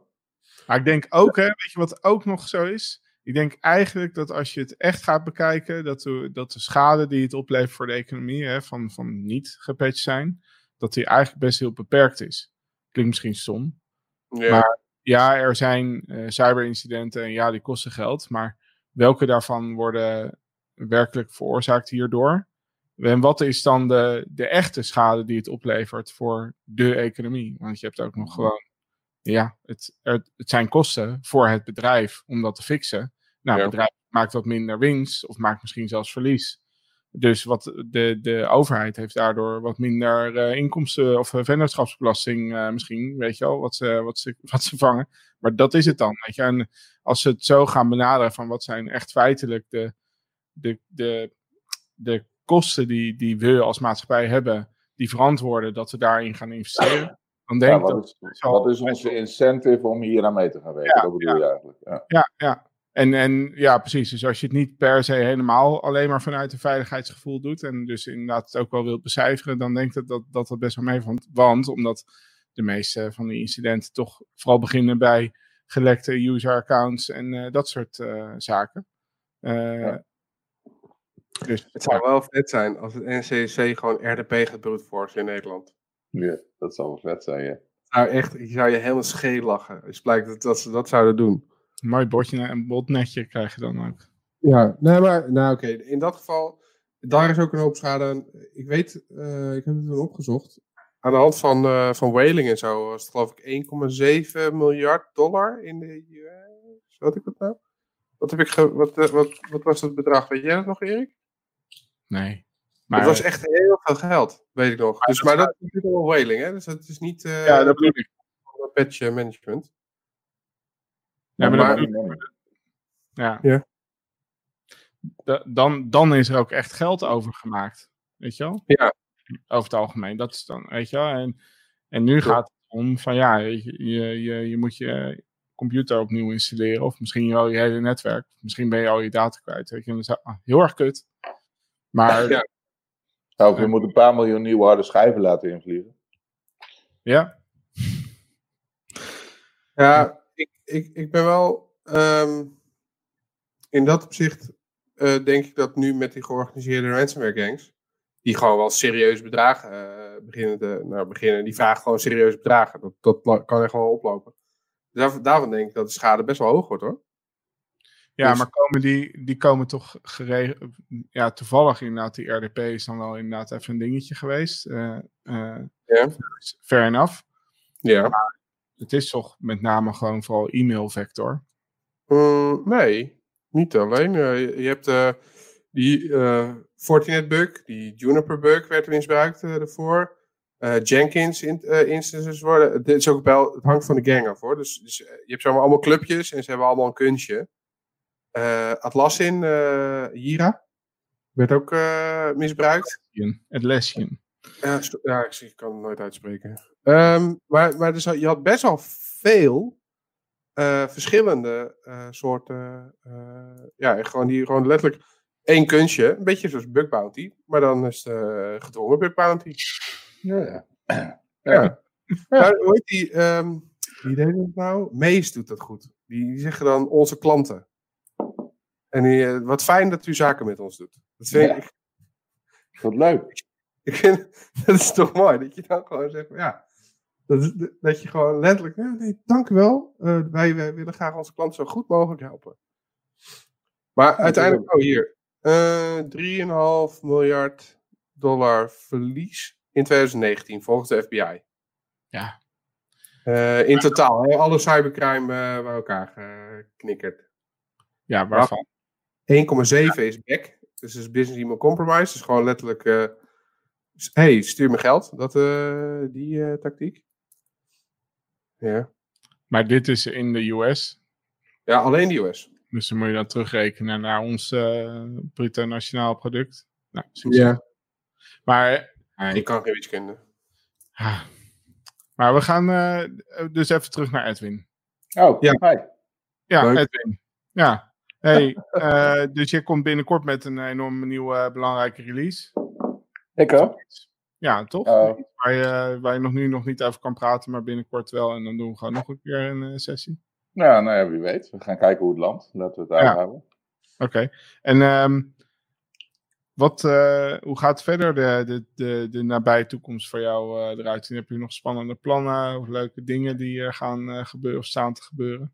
Nou ja, we zijn natuurlijk wel met het bedrijf lekker aan het groeien. We hebben daar ook wel echt spannende plannen, zeg maar. Um, daar kan ik ook nog niet zoveel over vertellen, helaas, omdat we natuurlijk wel concurrentie hebben. Die, en, de, in de bugbounty wereld kijkt iedereen wel naar elkaar. Ja. Um, dus daar moeten we nog even rustig aan over doen. Maar we, we hebben wel uh, echt een idee dat wij ons zeg maar kunnen, uh, echt kunnen, nou distancieren is het woord niet, maar kunnen afscheiden van wat de rest doet, door ons gewoon op een andere manier ook te profileren straks. Met nog steeds de focus op bug bounties, maar gewoon wel veel meer kunnen doen voor een klant. Um, dus daar zijn we vrij druk mee bezig. Dat is wel heel interessant. En daarnaast hoop ik gewoon dat congressen, evenementen en dat soort dingen weer een beetje gaan lopen. Want ja, dat vind ik gewoon het leukste wat er is eigenlijk. Ja. Op het podium staan, een beetje goed verhaal vertellen, leuke mensen ontmoeten. Uh, ja. Lekker ouwe hoeren. En ik had nog één staan voor eind van het jaar. Dat was, uh, werd ik naar Finland gevlogen om samen met volgens mij Phil Zimmerman op het podium een talk te doen. Een duo talk. Ik weet niet wat het was. Maar die, uh, of het was niet Finland, het was IJsland. Nog, nog, nog leuker. Nee, dat ken ik helemaal niks. En maar die is net gecanceld, dus dat vond ik ook wel jammer. Ik dacht van eind van het jaar, misschien kan het nog, weet je wel. Misschien gaat dan alles weer open en gaat het nog door, maar het is ook weer een jaar uitgesteld, dus het wordt pas volgend jaar. Zit er, ook, zit er ook een Zero-Con aan te komen? Een Zero-Con? Nou ja, we doen natuurlijk wel DEFCON Amsterdam. Um, en dat is natuurlijk niet een Zero-Con, maar dat is wel superleuk om te doen. Mm -hmm. um, we zijn wel bezig, um, ik weet echt niet of ik dat kan zeggen. Maar we zijn uh, bezig met een evenement voor een specifieke doelgroep in onze klantenkring. Um, dat is één. En ik denk uiteindelijk, als dat gaat groeien, dat dat wel een soort zero-con gaat worden. Ja. ja. Maar dan gaan we dit jaar een pilot als het ware mee draaien met, uh, met wat uh, van onze klanten en vrienden van onze klanten. Dus dat zou wel vet zijn. We hebben natuurlijk altijd ooit een keer gedaan. Dat was ook wel superleuk. Ja, ja dat was, maar dat was ook een beetje omdat niemand mocht bij NCC. Ja, precies.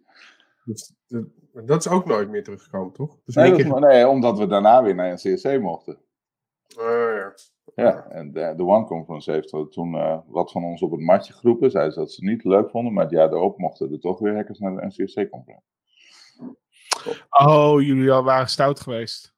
We waren niet stout geweest, we mochten er gewoon niet heen. Dus we hebben op dezelfde dag een uh, alternatieve con geregeld. En we hadden sprekers Zoals Ian Amit en Chris Nickerson, die stonden op het podium bij de One. Nou, die kennen we goed, dus daar hadden we een busje dat we de sprekers van dat congres oppikten als ze daar klaar waren. En bij ons gingen ze dan ook doen. Dat was superleuk. En bij ons kostte het niks en ze vonden het superleuk om te doen. En we hadden 150 man in de zaal of zo. Maar de NCSC vond het niet zo heel grappig dat we hun sprekers, zeg maar, leenden. Aha. Nee, ik ja. dacht dat, want volgens mij is er ook een keertje uh, iemand geweest die, uh, die daar de wifi gehackt had, of ik wat allemaal. Maar dat was het dus niet. Dat waren wij niet.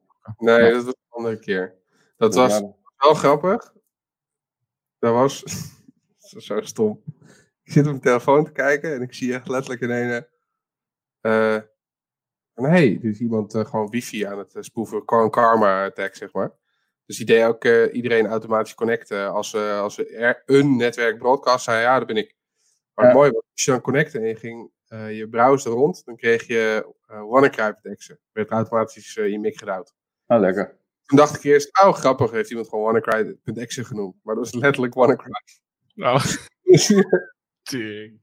Ja, het was, het was, zeg maar, het was grappig, tot dat moment. Ja. ja. ja en, en toen ook, ik, dat is wel grappig om te zien. Toen werden echt allemaal mensen werden heel nerveus en boos. Uh, met name law enforcement, uh, die, die, die, die, die kunnen er dan niet om lachen. Ja, het was ook wel lomp hoor, maar ze konden er echt niet om lachen. Nee. Dus uh, dan, dan zie je toch dat dat een andere manier van, van kijken is, denk ik dan. Maar laat het dan. Nee, nee.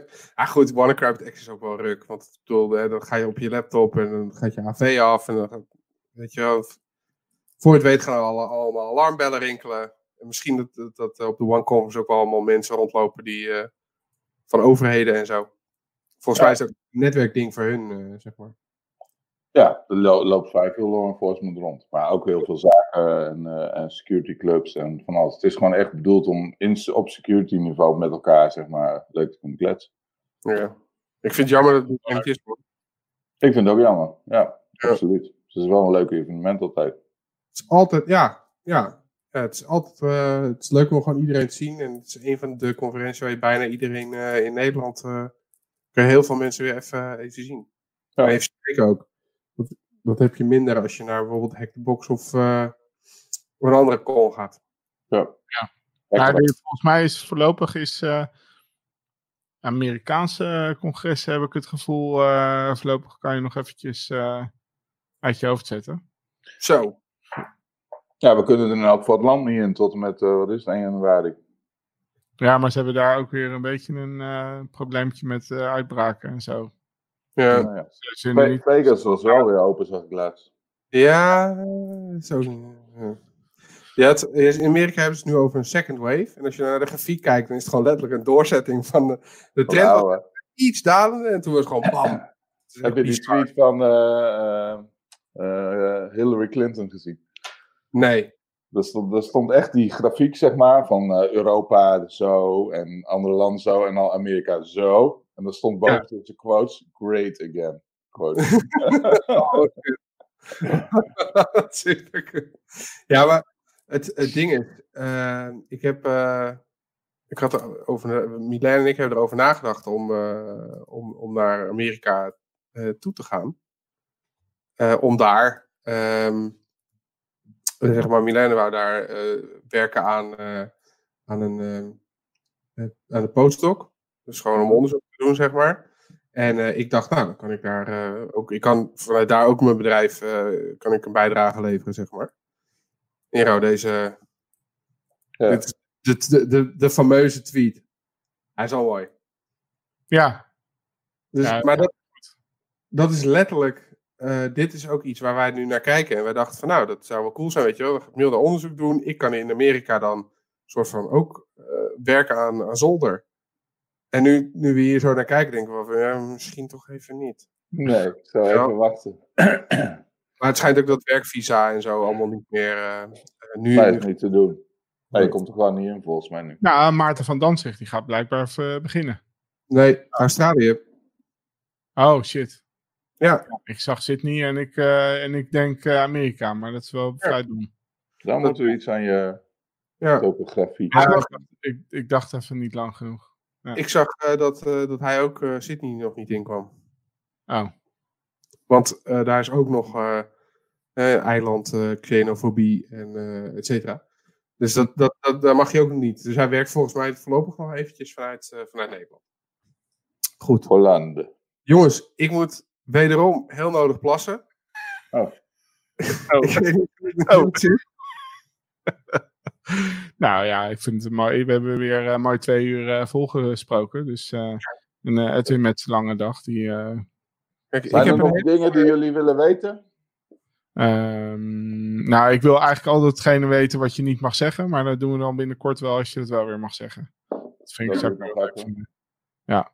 En dan, eh, ja, en eh, je bestelt een biertje van ons, hè, was voor het aantal kijkers. Ja, dat is goed. Ja. Gaan we Uh, doen? declareer maar. Is goed. Kom wel goed. Kijk, kijk uit, hè, want je weet je zegt, want voor je het weet krijg je een rekening. Ik maak hem zelf. Leuk. Ah, kut. De tijd dat je bier zit te drinken in rekening brengt. ja, Twee uur bier drinken. Nou, ja, we gaan man. niet zwaaien, hè? We gaan niet zwaaien, toch? We gaan niet zwaaien. We doen ellebogen naar de camera. Dat Fuck doet, dat. nie- dat doet niemand. Kom. Dat is ook Dag Rick. Oké. Dag. Dag. Dag. Doei, doei. Hoi.